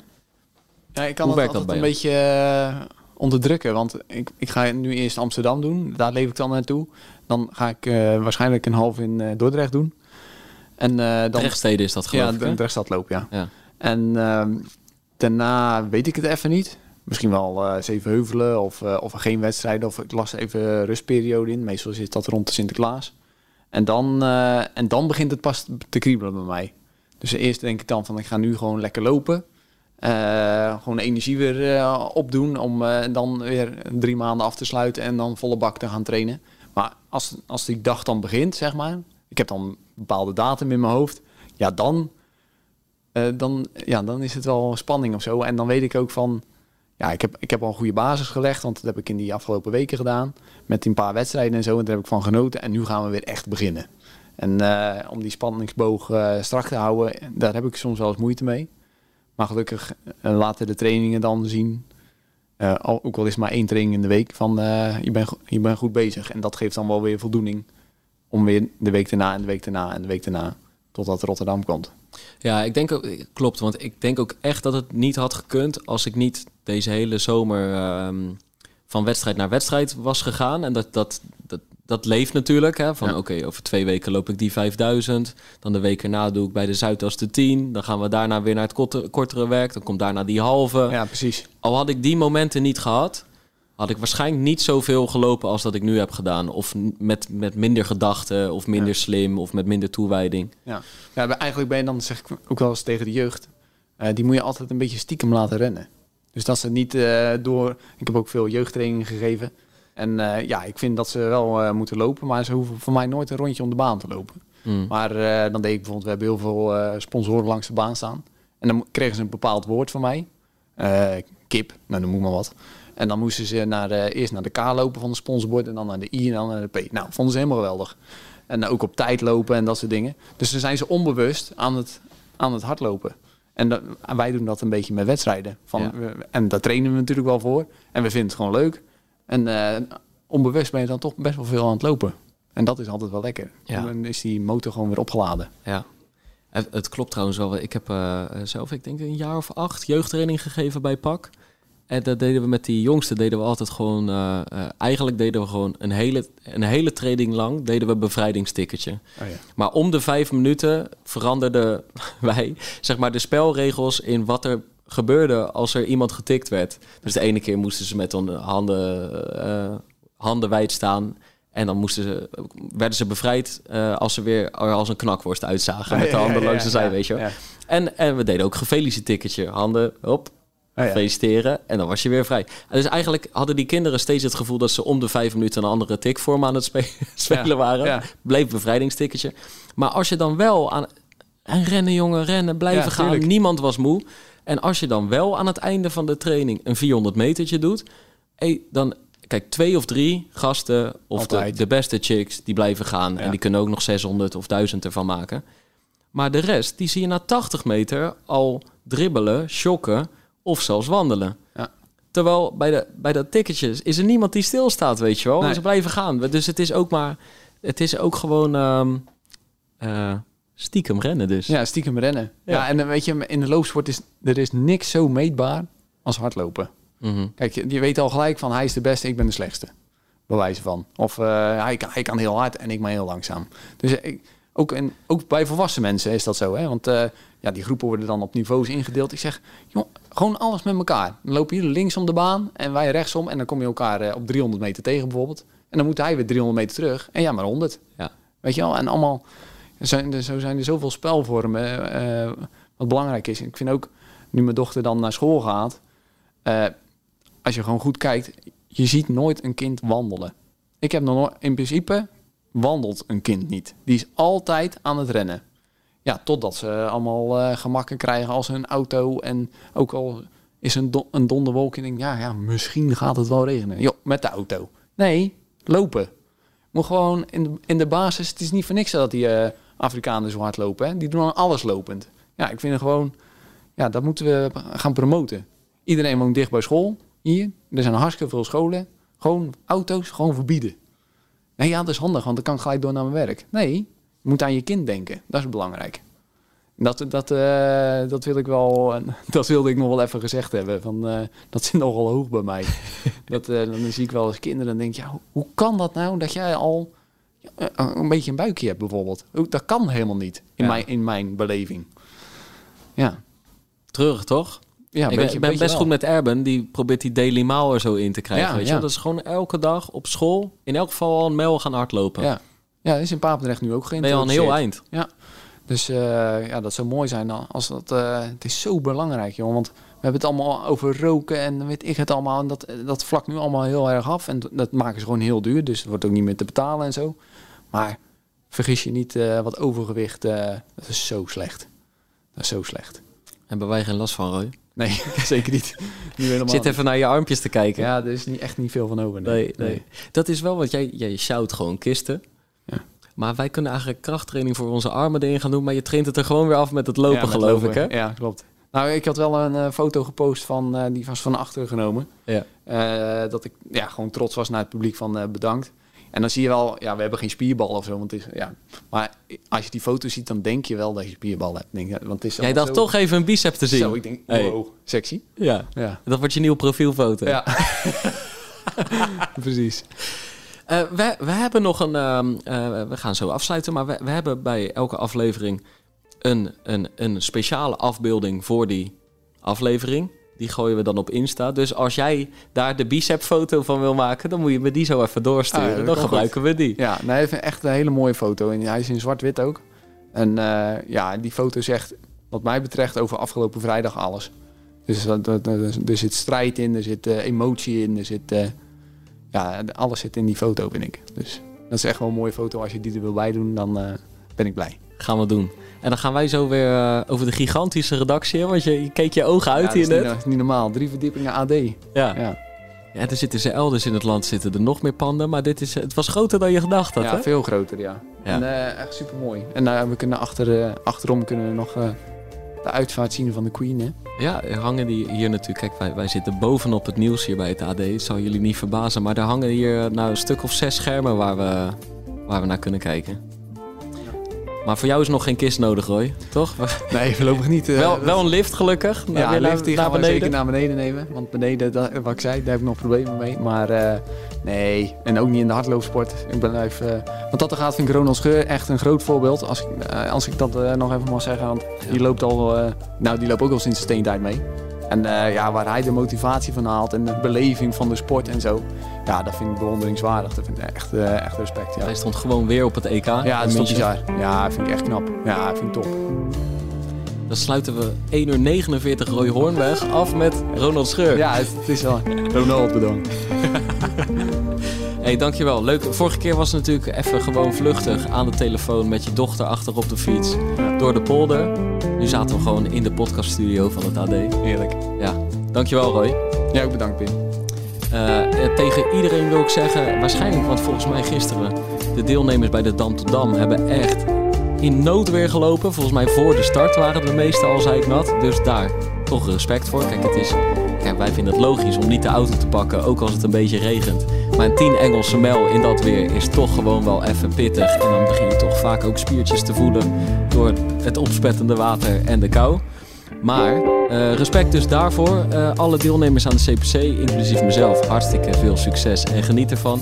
En sowieso alle mensen richting Amsterdam, Amsterdam en Eindhoven. Succes met de laatste weken, de laatste eh, loodjes. Blijf lopen, blijf luisteren en Dit is de gevreesde zoemer die na 60 seconden pitchen afgaat. Lukt het startende ondernemers om binnen deze tijd hun businessidee uit te leggen aan een vakkundige jury? Welkom op de stip. Ben je er klaar voor om jouw pitch te gaan geven? As ready as can be, ja. Ik ben er klaar voor. Denk het wel. Ik, Fabienne de Vries, neem jou mee in Droomstart. Die klok maakt je wel zenuwachtig. Een unieke podcastserie van de ondernemer waarin we ambitieuze Nederlanders volgen bij het starten van hun eigen onderneming. Ik kan me niet voorstellen dat iemand hier komt. Ik ben beter dan Google. Maar wat ik wel weet, is dat zij het niet doen. En jij bent erbij. Vanaf die eerste spannende pitch tot aan de meest cruciale momenten van hun weg naar succes. Ik heb nooit geleerd om te zeggen van, eh, oh, ik ben het waard. Volg Droomstart in je favoriete podcast-app en mis niets van dit unieke kijkje achter de schermen. Droomstart is een initiatief van de ondernemer en podcastbureau As We Speak. Aanvoerders van Nederland, opgelet. Deel namens jouw team de EK-voorspellingen in de Captain's Pool op sportnieuws.nl. En win een jaar lang landelijke media-aandacht voor jullie sportieve prestaties. Of het gebrek eraan. Sportnieuws.nl verslaat alles.